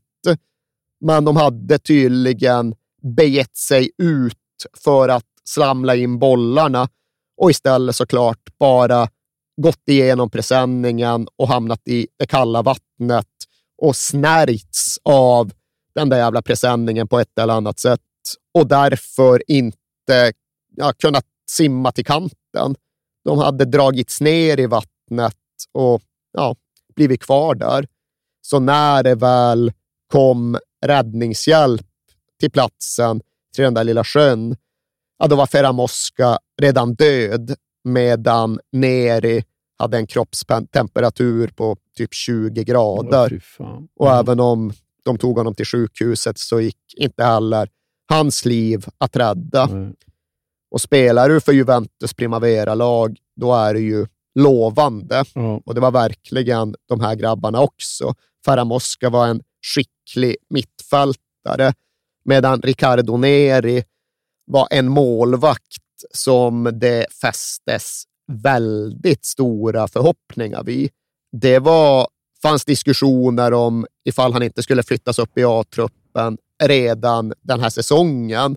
och han hade redan hunnit göra sitt lag till italienska mästare då han gjorde någon avgörande straffräddning i scudetto-matchen för, om det var U15 eller U16-lag. Och bland lagkamraterna i det där ungdomslaget fanns bland annat en ung Ciro Immobile ja. som ja, kommit att dedikera flera framgångar till sina förolyckade kompisar senare i karriären. Men om nu människor och deras karriärer hade hamnat i kläm i samband med att Calciopoli började nystas upp, så var ju detta verkliga mänskliga tragedier på riktigt.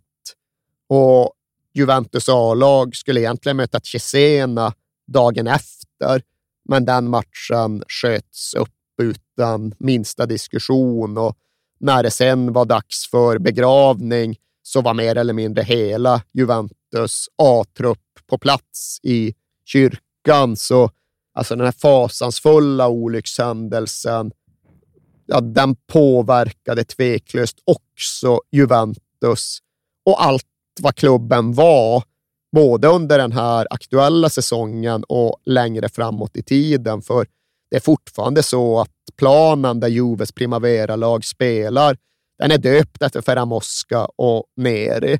Det finns en turnering som spelas till minne av dem och det finns en stiftelse som bär deras namn. Så även detta är något från den här tiden som Juventus alltid bär med sig. In considerazione di questo grave lutto, la Juventus Football Club ha chiesto alla Lega Calcio al Cesena il rinvio della partita. Non ho altro da aggiungere, grazie.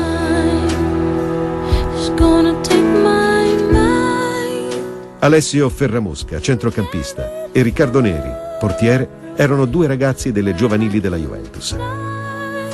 Sono morti per recuperare alcuni palloni finiti in un laghetto a pochi passi dai campi in cui si allenano i grandi.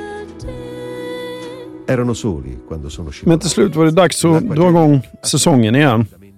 Alltså bollarna rullar ju alltid vidare och efter vinteruppehållet så var det dags för Juventus att försöka befästa den serieledning som de nu hade spelat till sig.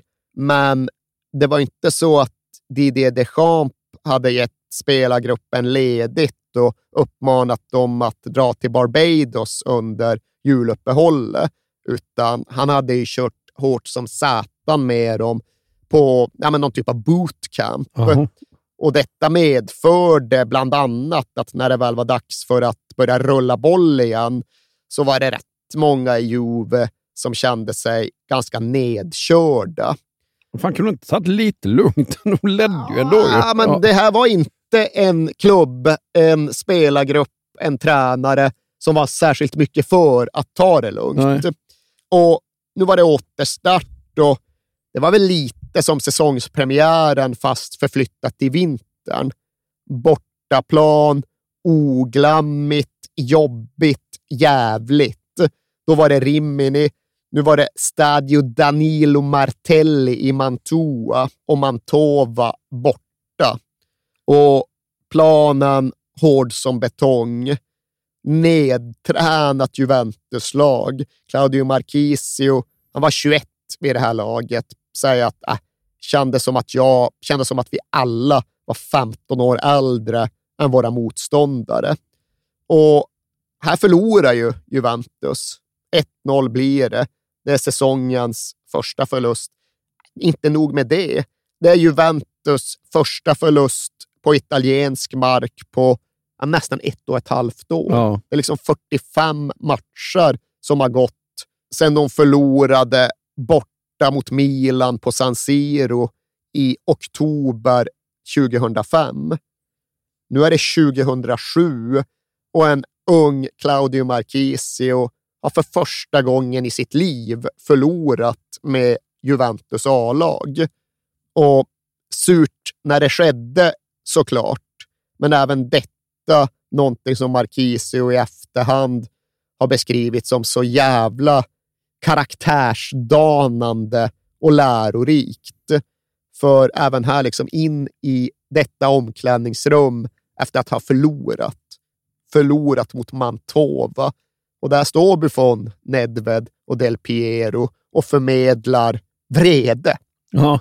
Och Marquisio säger att ilskan som växte inom mig också, det var inte en vanlig ilska, utan det var en unik ilska, en annan typ av ilska. Och jag har fortfarande aldrig känt just den sortens ilska någon annan gång än när jag förlorar med Juventus. Nej. Kommer aldrig annars, kommer varje gång det sker. Och han ser det ju som att ja, men även smittad av någon sorts eh, Juventus-virus som är allergiskt mot förluster eller något sånt där. Men det kommer jag ihåg Zlatan sa också, att förlorade med Juventus, det, det var ju liksom så utredningar flera Ja, dagar liksom efteråt. för att- Världen stannade. Ja, det- vi, vi, vi förlorade. Liksom. Det, det, det får inte ske. Ja, exakt, det kommer aldrig ske igen. Nej. Tills motsatsen är bevisad så kommer det aldrig någonsin ske igen. Nej. Och i och för sig, det går ju att begripa att en förlust mot Milan på San Siro är mer lätt analyserad. På ett sätt kanske mer lätt accepterad än stryk mot Mantova. Men Deschamps var redan när det skedde ganska klar över ja, men vad som var huvudanledningen till att Juventus kunde förlora mot den typen av motstånd. Men det var hans fel. Nej, faktiskt inte. Nej. Eh, det var det väl i någon mån. Liksom ifall det nu krävdes så skulle han säkert se på sig själv. Men utan att få det att låta som en bortförklaring så kunde han ju ändå hänvisa till ja, men det kartläggningsarbete som han och hans stab alltid bedrev inför matcherna. Kolla på videos med, i det här fallet, Mantova. Gå igenom den föregående matchen, säkert fem, sex matcher längre bak under säsongen. Liksom kolla på olika formationer, lösningar kollektivt, individuellt. Och ja, att kolla på de här filmerna så får han en bild av motståndet. Så här spelar de, här är deras hot, så här bra är de, här ligger deras ribba. Och så kommer de ut och möter Juventus på hemmaplan i Serie B. Och där de nyss hoppade på 1,90 så är de nu uppe på 2,35. Ja. Det är verkligen hans ärliga och förmodligen sanna uppfattning. De som kommer ut mot oss är helt andra motståndare än de som nyss var ute och körde mot Arezzo. Ja. riesce ad anticipare Del Piero. Adesso Toga che ha ricevuto da Grauso. Prova col sinistro pallone perfetto. Sponda e poi in destra Bernacci! 1-0 Mantova. Bernacci! 7 sul cronometro della ripresa.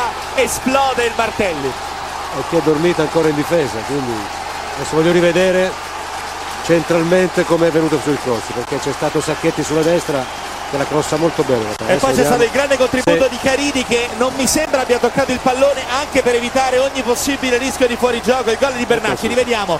Questa è una grande giocata, difesa della Juve presa controtempo. Occhio Però però fuorigioco, eh. alla posizione, però attenzione. Però attenzione perché sappiamo quella che è la nuova interpretazione del fuorigioco. Sappiamo bene quella che è la nuova interpretazione del fuorigioco. eh, Cioè se parte questo è il pallone Jag tror liksom inte att det är en överdrift, utan jag tror att det funkar precis så. Om du möter ett motståndarlag som där alla är överens om att det här är liksom vårt livsmatch, vår livsmöjlighet att visa upp oss, att gå till vår klubbs historia. Ja, de kommer individuellt att höja sig, inte fan vet jag, 5, 10, Ja. 15 procent. Och kollektivt blir den totala skillnaden enorm. Ja, om du kommer ut rätt. Ja, inte är för rädd. visst. Liksom. Ja. Eller liksom blir eh, ja, men sönderspelad, du blir Ja. för ambitiös, du går för offensivt. Men visst, kommer du ut rätt med den attityden, Ja. ja. då är det något helt annat. Detta innebär just att Juve, ja, men trots all kvalitet och all seriositet som genomsyrade dem, tvingades slita för så gott som varenda seger, varenda poäng Ja. i Serie B. Okej, du hittar några matcher där just motståndarna förmodligen kommer snett på det. Ja. De vinner med 5-0 mot Crotone. Du har ett par 5-1 mot Triestina och Arezzo. Det finns någon ytterligare match där de gjorde fyra mål, men för det allra mesta är det uddamålssegrar. Så här hårt tillkämpade 2-1 med segermål i 79. Och det kan vi ju tydligt se ifall vi bara glider med Juventus på lagets bortaresor här under vårsäsongen. Okej, stryk mot Mantova det första som händer. Sen är det Spezia borta.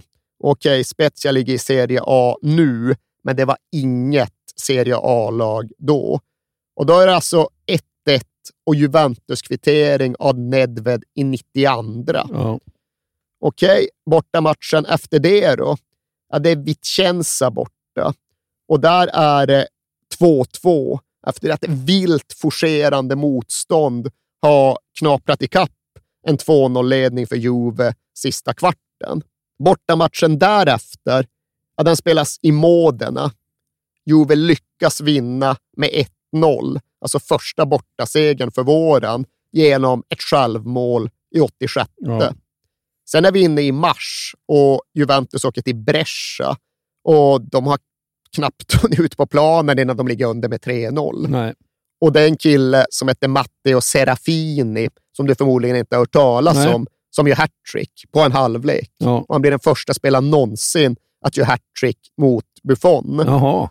Och vad hette han sa ni? Serafini? Del Piero säger alltså, ja, jag har aldrig hört talas om honom, men säker på att det inte var Maradona. För, alltså, jag gissar att du inte har sett det här. Nej. Alltså, det är inte klokt. Han går ut, det har gått typ knappt tre minuter. Han gör mål på Buffon från 40 meter. För Buffon står lite fel och han liksom hittar en möjlighet att liksom lyra in en haubits till lobb. Ja. Sen gör han 2-0 på bicykleta och sen strax före paus fullbordar han sitt hattrick med en liksom vildsint halvvolley med höger utsida från typ 25 meter. Jaha. Otrolig Han kom ut rätt, helt enkelt. Ja, det får man fan Ja. säga.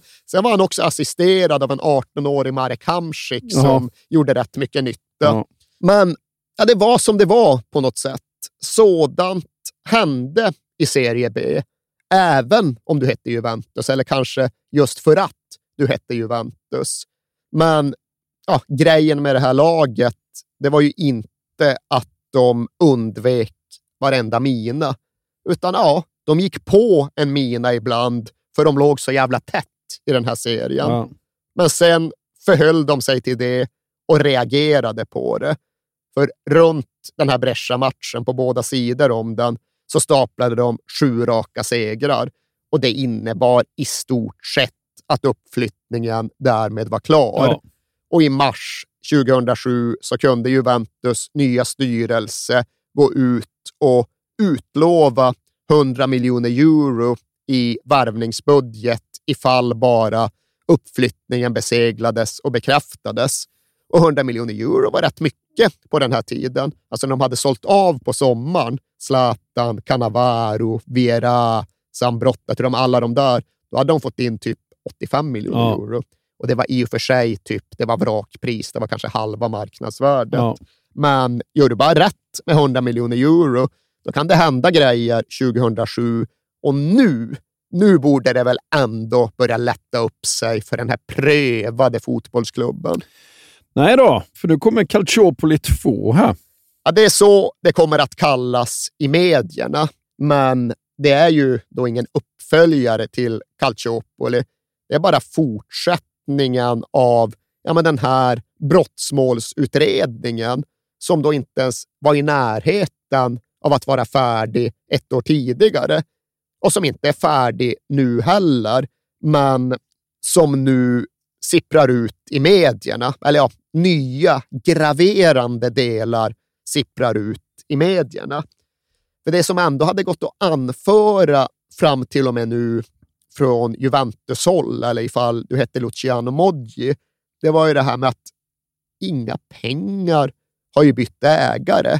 Inga mutor har delats ut, utan i den mån det har förekommit oegentligheter så rör ju detta sig om liksom samtal och diskussioner och antydningar och för den delen kanske påtryckningar i samtal som visst aldrig borde ha ägt rum mellan ja, då främst Modji och olika domarföreträdare. Ja, det var väl det. vad sa ni, liksom 170 000 avlyssnade utskrivna samtal. Hade det funnits något annat, något värre, ja, då hade vi känt till det vid det här laget. Men det som nu då avtäcks i april 2007, det var att det absolut fanns mer, även om det inte riktigt gick att säga vad det var. Men det visade sig att Modjis alla samtal var inte Modjis alla samtal.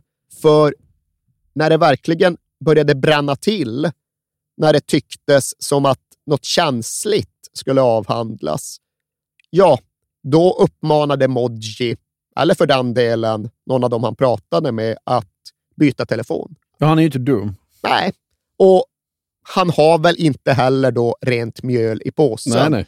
Alltså han har riktigt, det är inte grått mjöl i påsen. Finns det svart mjöl så verkar det ju som att det är färgen på mjölhelvetet. Jaha. För det kom då fram att Modji hade haft en hel trave med utbytbara simkort. Och de hade köpts främst i Chiasso, den här gränsstaden mellan Italien och Schweiz, där Gunnar Nordahl och hans kohorter Just brukade det. byta tåg när de var på väg till Milano. Ja, dit hade Modji skickat underhuggare och medhjälpare som under falska namn lät köpa simkort registrerade i antingen Schweiz eller Liechtenstein. Och det fanns något slovenskt simkort också i den här utredningen. För att sen då antingen nyttja det själv eller för att distribuera det till det som måste beskrivas som andra personer i hans nätverk. Han lät dela ut de här anonymiserade simkorten till domarföreträdare, faktiska domare, andra klubbpresidenter. Ja, det var en lång lista på folk som hade använt sig av de här hemliga simkorten. Och de samtalen hade ju inte kunnat avlyssnas Nej. för ja, det här var ju då tänkt att vara just en manöver för att kringgå avlyssning. Hade Modji blivit varnad om att det pågick en utredning? Hade han bara förutsett, kanske till och med förutsatt, att en utredning förr eller senare skulle hinna ikapp honom? Ja, det vet vi inte. Och vi vet inte heller vad som sades i den här hemliga säcken av samtal. Men det är klart att det väcker nya misstankar Oh ja. ifall Modji till exempel pratar med en domarbas och efter att ha liksom muttrat lite grann om usla domare i föregående matcher och viskat menande om att det behövde bli annorlunda framöver, uppmanat om byte från den ena telefonen till den andra, för nu var det dags att tala allvar Ja. om den här saken. Och det gick ju också att titta på samtalslistorna.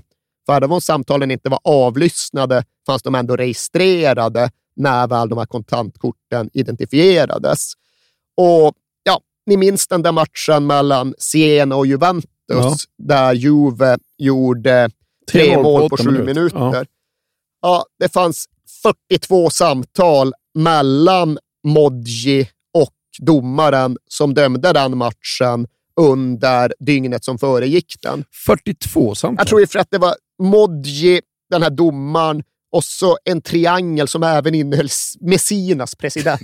Jag vet inte det fan vad är jävligt många samtal vet inte ändå. fan vad Messinas president hade med just den saken att göra, men det buntades på något sätt ihop. Det var Ja. samma samtalscykel. Ja. Och ja, hade vi nu? Roma, Juventus 2005 dömdes av någon snubbe som heter Racalbuto. Modji ringde 34 samtal till denna domare under dygnet som föregick matchen. De pratade bara några få timmar före avspark. Det känns ju det känns rätt tvivelaktigt. Ja, va? verkligen. Och nej, här går inget att bevisa förutom att otillbörlig kontakt har ägt rum. Men om det går som en anka och låter som en anka så tenderar det ju faktiskt oftast att vara en jävla anka till sist. Ja, så är det ju. Nej, det var inte bara Modji och Juventus den här gången heller. När nu Calciopoli 2 rullades upp och rubricerades i medierna så svällde allt ännu mer.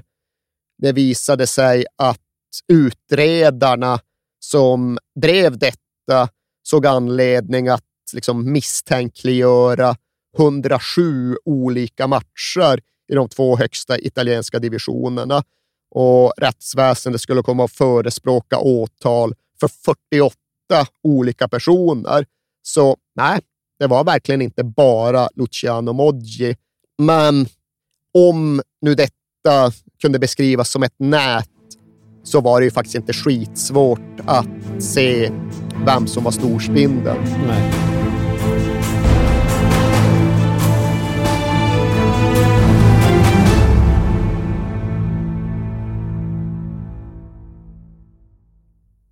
Men på fotbollsplanen så består de ändå och ja, tar sig upp helt enkelt. Ja, det är liksom ingen diskussion på slutrakan, utan de gör det som behöver göras.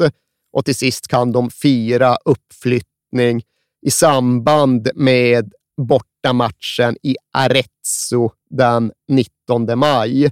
Och nu ja, men släpper de väl lite grann på sina egna tyglar och tömmar, för nu tillåter de sig att gå ut och spela med frihet mot det som faktiskt är Antonio Contes Arezzo. Men Trezeguet gör mål och Chiellini gör faktiskt två mål.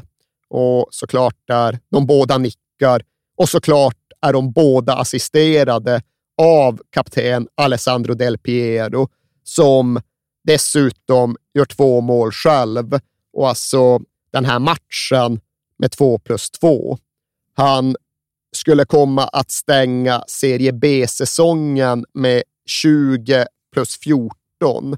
Han vinner skytteligan i Serie B.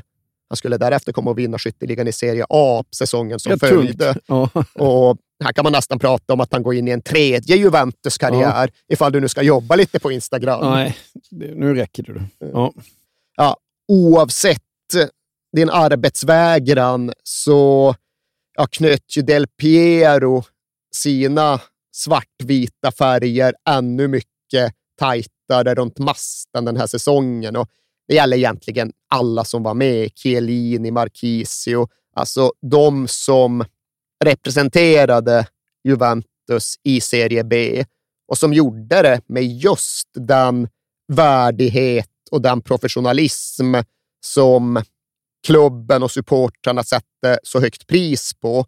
Ja, de kommer alltid ha en speciell monter på det stora Juventusmuseet i skyn. Men det är klart att det inte ska bli för mycket harmoni här. För även om spelarna kunde fira med kraft där i Arezzo, de kunde hoppa och studsa runt i tröjor med ordet basta. Då är liksom, det räcker betyder ju basta och så B och A är stora. Men nu kryssar man över det första B och så ser man mest bara det stora A i slutet. Ja, just det. Ja, fyndigt, fyndigt. Sådär, ja. Ah, du är inte nöjd? Nej, Okej. jag tyckte ändå Ja, de ja. hade gjort sin grafiska hemläxa. Ja, tre plus. Ja, Okej, ja, fyra. Men omedelbart på detta så gick Didier Deschamps in och sa upp sig. Och det visade sig att det hade brutit ut en fejd mellan honom och sportchefen Alessio Secco. Den färska, överpromotade sportchefen Alessio Secco. Han hade typ haft hand om logistik tidigare, så jag liksom styrde upp träningstider. Och nu fick han lov att kliva in som sportchef. Och det var inte hans fel att han blev överbefordrad, men han bottnade inte i den där rollen. Nej. Och Deschamps hade sin syn på hur offensivt den där värvningskrukan på 100 miljoner euro skulle spenderas. Och Secco hade en helt annan syn. Ja. Krasst uttryckt så vill väl Deschamps satsa omedelbart mot toppen och Champions League, medan Secco ville etablera och befästa Juventus i Serie A igen. Och Deschamps valde att vända på klacken och lämna över direkt. Och hans assistent, en snubbe som heter Giancarlo Corradini, fick lov att ta över. Och det som hände omedelbart då ja, det var att Juventus gick och förlorade säsongens två sista matcher mot Bari och Spezia. Och det var ju onödigt och oklädsamt. Men det smärtade ändå mindre för alla Juventini än faktumet att Milan under just den perioden först vann och sen firade Champions League-titeln. Champions League-titel. Europamästare. Vad fan, ett år tidigare så var ju de här två klubbarna mer eller mindre på samma plats i samma utredning. Och här är vi i serie B och förlorar hemma mot Spezia och där är de och vinner Champions League-finaler mot Liverpool. Och det ja, men Luciano Moggi, ifall vi ska ta honom som vittne, ihärdigt och envetet alltid upprepar runt detta, det är ju att ja, jag må ha gjort mina grejer och ni må beskriva det som ett system. Men Milan hade precis motsvarande system. Och hade jag mediemakt så var ju den mindre än Berlusconis. Ja. Och om ni hittar Juventus-folk på dubbla stolar så hittar ni Galliani som parallellt styrde Milan och var ordförande för ligaföreningen.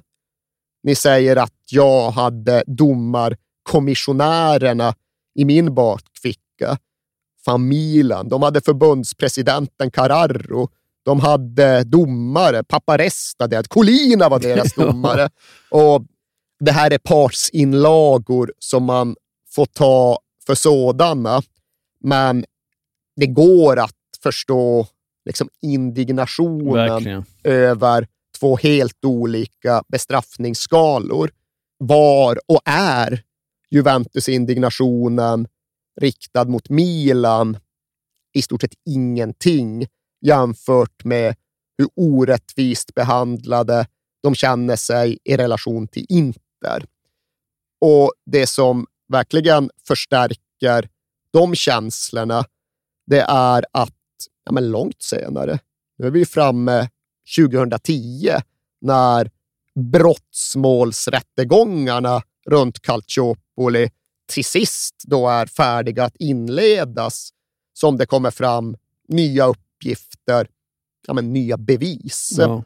Och ja, men det som ändå står utom tvivel, det är att även då Inters ägare Moratti, men framför allt deras, ja vad fan kan han ha varit då, hedersordförande kanske, klubbambassadör, klubbföreträdare Jacinto Facchetti hade stått i kontakt med de här domarcheferna på ett sätt som påminde ganska mycket om det sätt som Modji hade kontaktat dem. Och det var, alltså, det var ju inte samma omfattning, samma omfång. Det var det absolut inte. Det var inte samma systematik, det var inte samma tonläge, det var inte lika vanligt förekommande. Men ja, många Juventini hänvisade ju tillbaka till det som hade skett och beslutats i hast våren och sommaren 2006, då fotbollsförbundets egen utredning var beordrad att bedöma all kontakt med de här domaradministratörerna som otillåten Ja. och att det i sig var tillräckligt för bestraffning. Hade bara all bevisning funnits, hade inte domen kommit så snabbt, då hade det, enligt det här sättet att se på saken, varit omöjligt att inte bestraffa även Inter. Nej. Och den bestraffningen kanske inte hade blivit så hård, men den hade i alla fall medfört att de inte hade kunnat tilldelas scudetton 2006. Nej. Och detta är ju fortfarande ja, men det som gör många Juventini argast av allt. Ja. Inte att de blev tvångsnedflyttade, egentligen. det är att Inter fick det de ser som deras scudetto. Ja. Hade de bara lämnat den blank och tom också, precis som 2005, då hade vreden i alla fall lagt sig snabbare. Ja. Nu, de har ju fortsatt kämpa. De har drivit processer om detta, tror jag, ända fram till och med 2020 innan de till sist fick lov att vika in kepsen Ja. och tugga i sig detta. Hur går rättegångarna till slut då? Ja, alltså, även här är det ju någonstans parallella processer och parallella domar. Det finns en typ av distinktion mellan rättegången som snurrar runt agentnätverket GEA och ja, men Calciopoli-rättegången. Men gemensamt för båda är att Luciano Moggi någonstans står som huvudanklagad. Och han blir ju fälld i båda de här målen.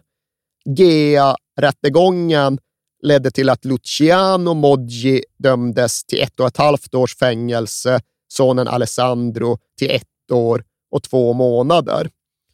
Och sen då Calciopoli-rättegången, där dom till sist förkunnades i november 2011. Där dömdes Luciano Moggi till fem år och fyra månaders fängelse.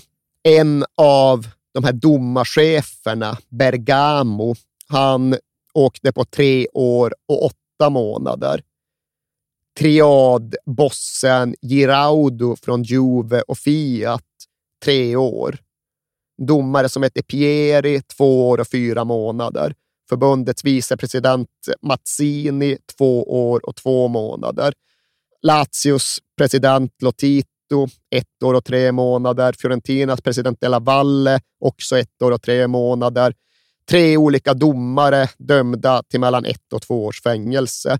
Och liksom ganska många och relativt hårda domar. Men som det ofta är, som man nästan kan utgå ifrån, så blev det inte så mycket fängelsetid för någon av de berörda. Utan allt kom ju att dels processas, dels preskriberas bort. Men det är det jag tycker är så otroligt konstigt, eh, faktiskt när jag kollar på det. Att om du döms till ett fängelsestraff, sen överklagar du och då är det bara så här, ja men det är preskriberat nu. Ja, jag, jag har inga och du har svar. inte suttit en dag i fängelse. Nej men vad fan är det då? Det, det, det, inte det låter märkligt. Ja, jättemärkligt. Och jag vet inte om det här är specifikt för det italienska rättssystemet eller om, eller om det bara är så det är ifall du har skickliga jurister på din sida. Jo, men du måste ju kunna så här förhala, förhala. Men, men åklagaren måste ju säga, wow, vi måste ha den här rättegången nu, annars preskriberas det. Ja, det är också så går du upp till rättegång så bara, ja det är preskriberat, hej då. Ja, Var så men- bra i Rimini liksom. Nej, jag, jag har inga svar här, Nej. men jag kan ju konstatera att denna vetskap, denna kännedom var såklart en del av hela strategin från både Moggi och hans ombud och ja, förmodligen alla berörda. Och ja, men Allt detta fick följden att när Calciopoli-domarna till slut skulle ratificeras, eller vad nu den korrekta termen är, så var det ju enbart alltså fotbollsdomaren, visselblåsaren Massimo De Santis, han som du beskrev som Italiens Jonas Eriksson, Ja. han var ju den enda som faktiskt fortfarande fick en fängelsedom över sig. Och det var ju för ett år och det var villkorligt, så det blev ingen gallertid för honom nej. heller. Men han var liksom den enda som till sist dömdes till Ja, fängelsestraff. det är helt otroligt. Och var hamnar vi efter allt detta, Erik? Alltså, vi hamnar väl i en utvärdering och en bedömning som är upp till var och en att göra själv. För ja, Luciano Moggi, han erkänner ju att han gjort sig skyldig till osportslig och eller oetisk verksamhet. Han går med på att han visste att han inte borde stå i kontakt med de här domartillsättarna och dessa makthavare på förbundet. Men han vägrar ju däremot gå med på att han faktiskt aktivt manipulerat eller fixat matcher. Han står ju fast vid att hans eventuella påverkan i sådana fall var indirekt. Och därtill gör ju han gällande att han minsann enbart gjorde det för att alla andra gjorde samma sak. Det var matchen ovanför matchen. Det var kampen som han och hans likar unisont accepterade som en del av fotbollen. Så argumenterar Modji. Och han fortsätter ju hävda att ja, okej, okay, jag kanske hade ett nätverk, ifall ni vill kalla det så, men vem har inte det? Och vem använder sig inte av det? Det gäller varenda människa i det italienska samhället på olika nivåer och det gäller definitivt, om vi nu ska tro på Moggi, även de konkurrerande toppklubbarna. Jaha, jag kanske satte lite press på en tv-producent. Ja, vadå då? Alla vet ju att ja, Berlusconi har sitt och hela RAI, det kontrolleras minsann av Roma.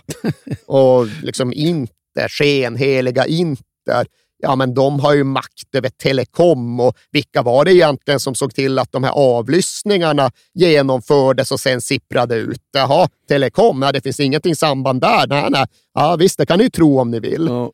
Och ja, den här kolsuparteorin, ja, den kanske har viss giltighet, den kanske går att tro på i olika hög utsträckning, men den undermineras väl någonstans av att ja, men Roma och Inter där, ifall vi ska ta de två klubbarna, totalt vann en scudetto under ja, men de ja, men 15 år som föregick Calciopoli-utredningen. Inte så jävla bra tryck i deras nätverk i så fall. Men här finns det såklart en dimension som är rätt svindlande när det kommer till allt detta. Ja, det gjordes en grundlig omfattande utredning och materialet som låg till grund för den finns ju numera till mer eller mindre allmän beskådan. Det kan vi ta in, det kan vi liksom se och det kan vi värdera själva. Men det gällde ju huvudsakligen säsongen 2004-2005 och i viss mån säsongen som följde därefter. Men de 10, de 15 år som föregick dessa säsonger, ja. då, om dem vet vi ingenting. Nej. Men det är ju ganska svårt att tro att Luciano Moggi köpte sitt första simkort i oktober 2004. Ja, det är otroligt. Men ja, för att besvara frågan om vad allt det här egentligen var och vad vi tar med oss från det, så känner ja, men i alla fall jag och tror jag faktiskt Luciano Moggi också, att det finns en central frågeställning som når fram till själva kärnan. Och den utgår ju från ja, men det som numera måste beskrivas som insikten, vetskapen om att den här typen av manipulationsarbete förekom och utövades av bra jävla många aktörer. Var det då så att skillnaden mellan Luciano Moggi och Juventus och alla andra antingen var A. Att Juve ägnade sig åt detta i mycket högre och mer systematisk utsträckning än några andra. Eller var det istället B, så att alla försökte och ansträngde sig ungefär lika mycket, men att Moggi rätt och slätt var bättre på det. Luciano Moggis eget svar, ja, men det är ju både enkelt och entydigt. Hans hela sammanfattning av Calciopoli går ju att summera så här. Antingen var alla skyldiga eller så var alla oskyldiga.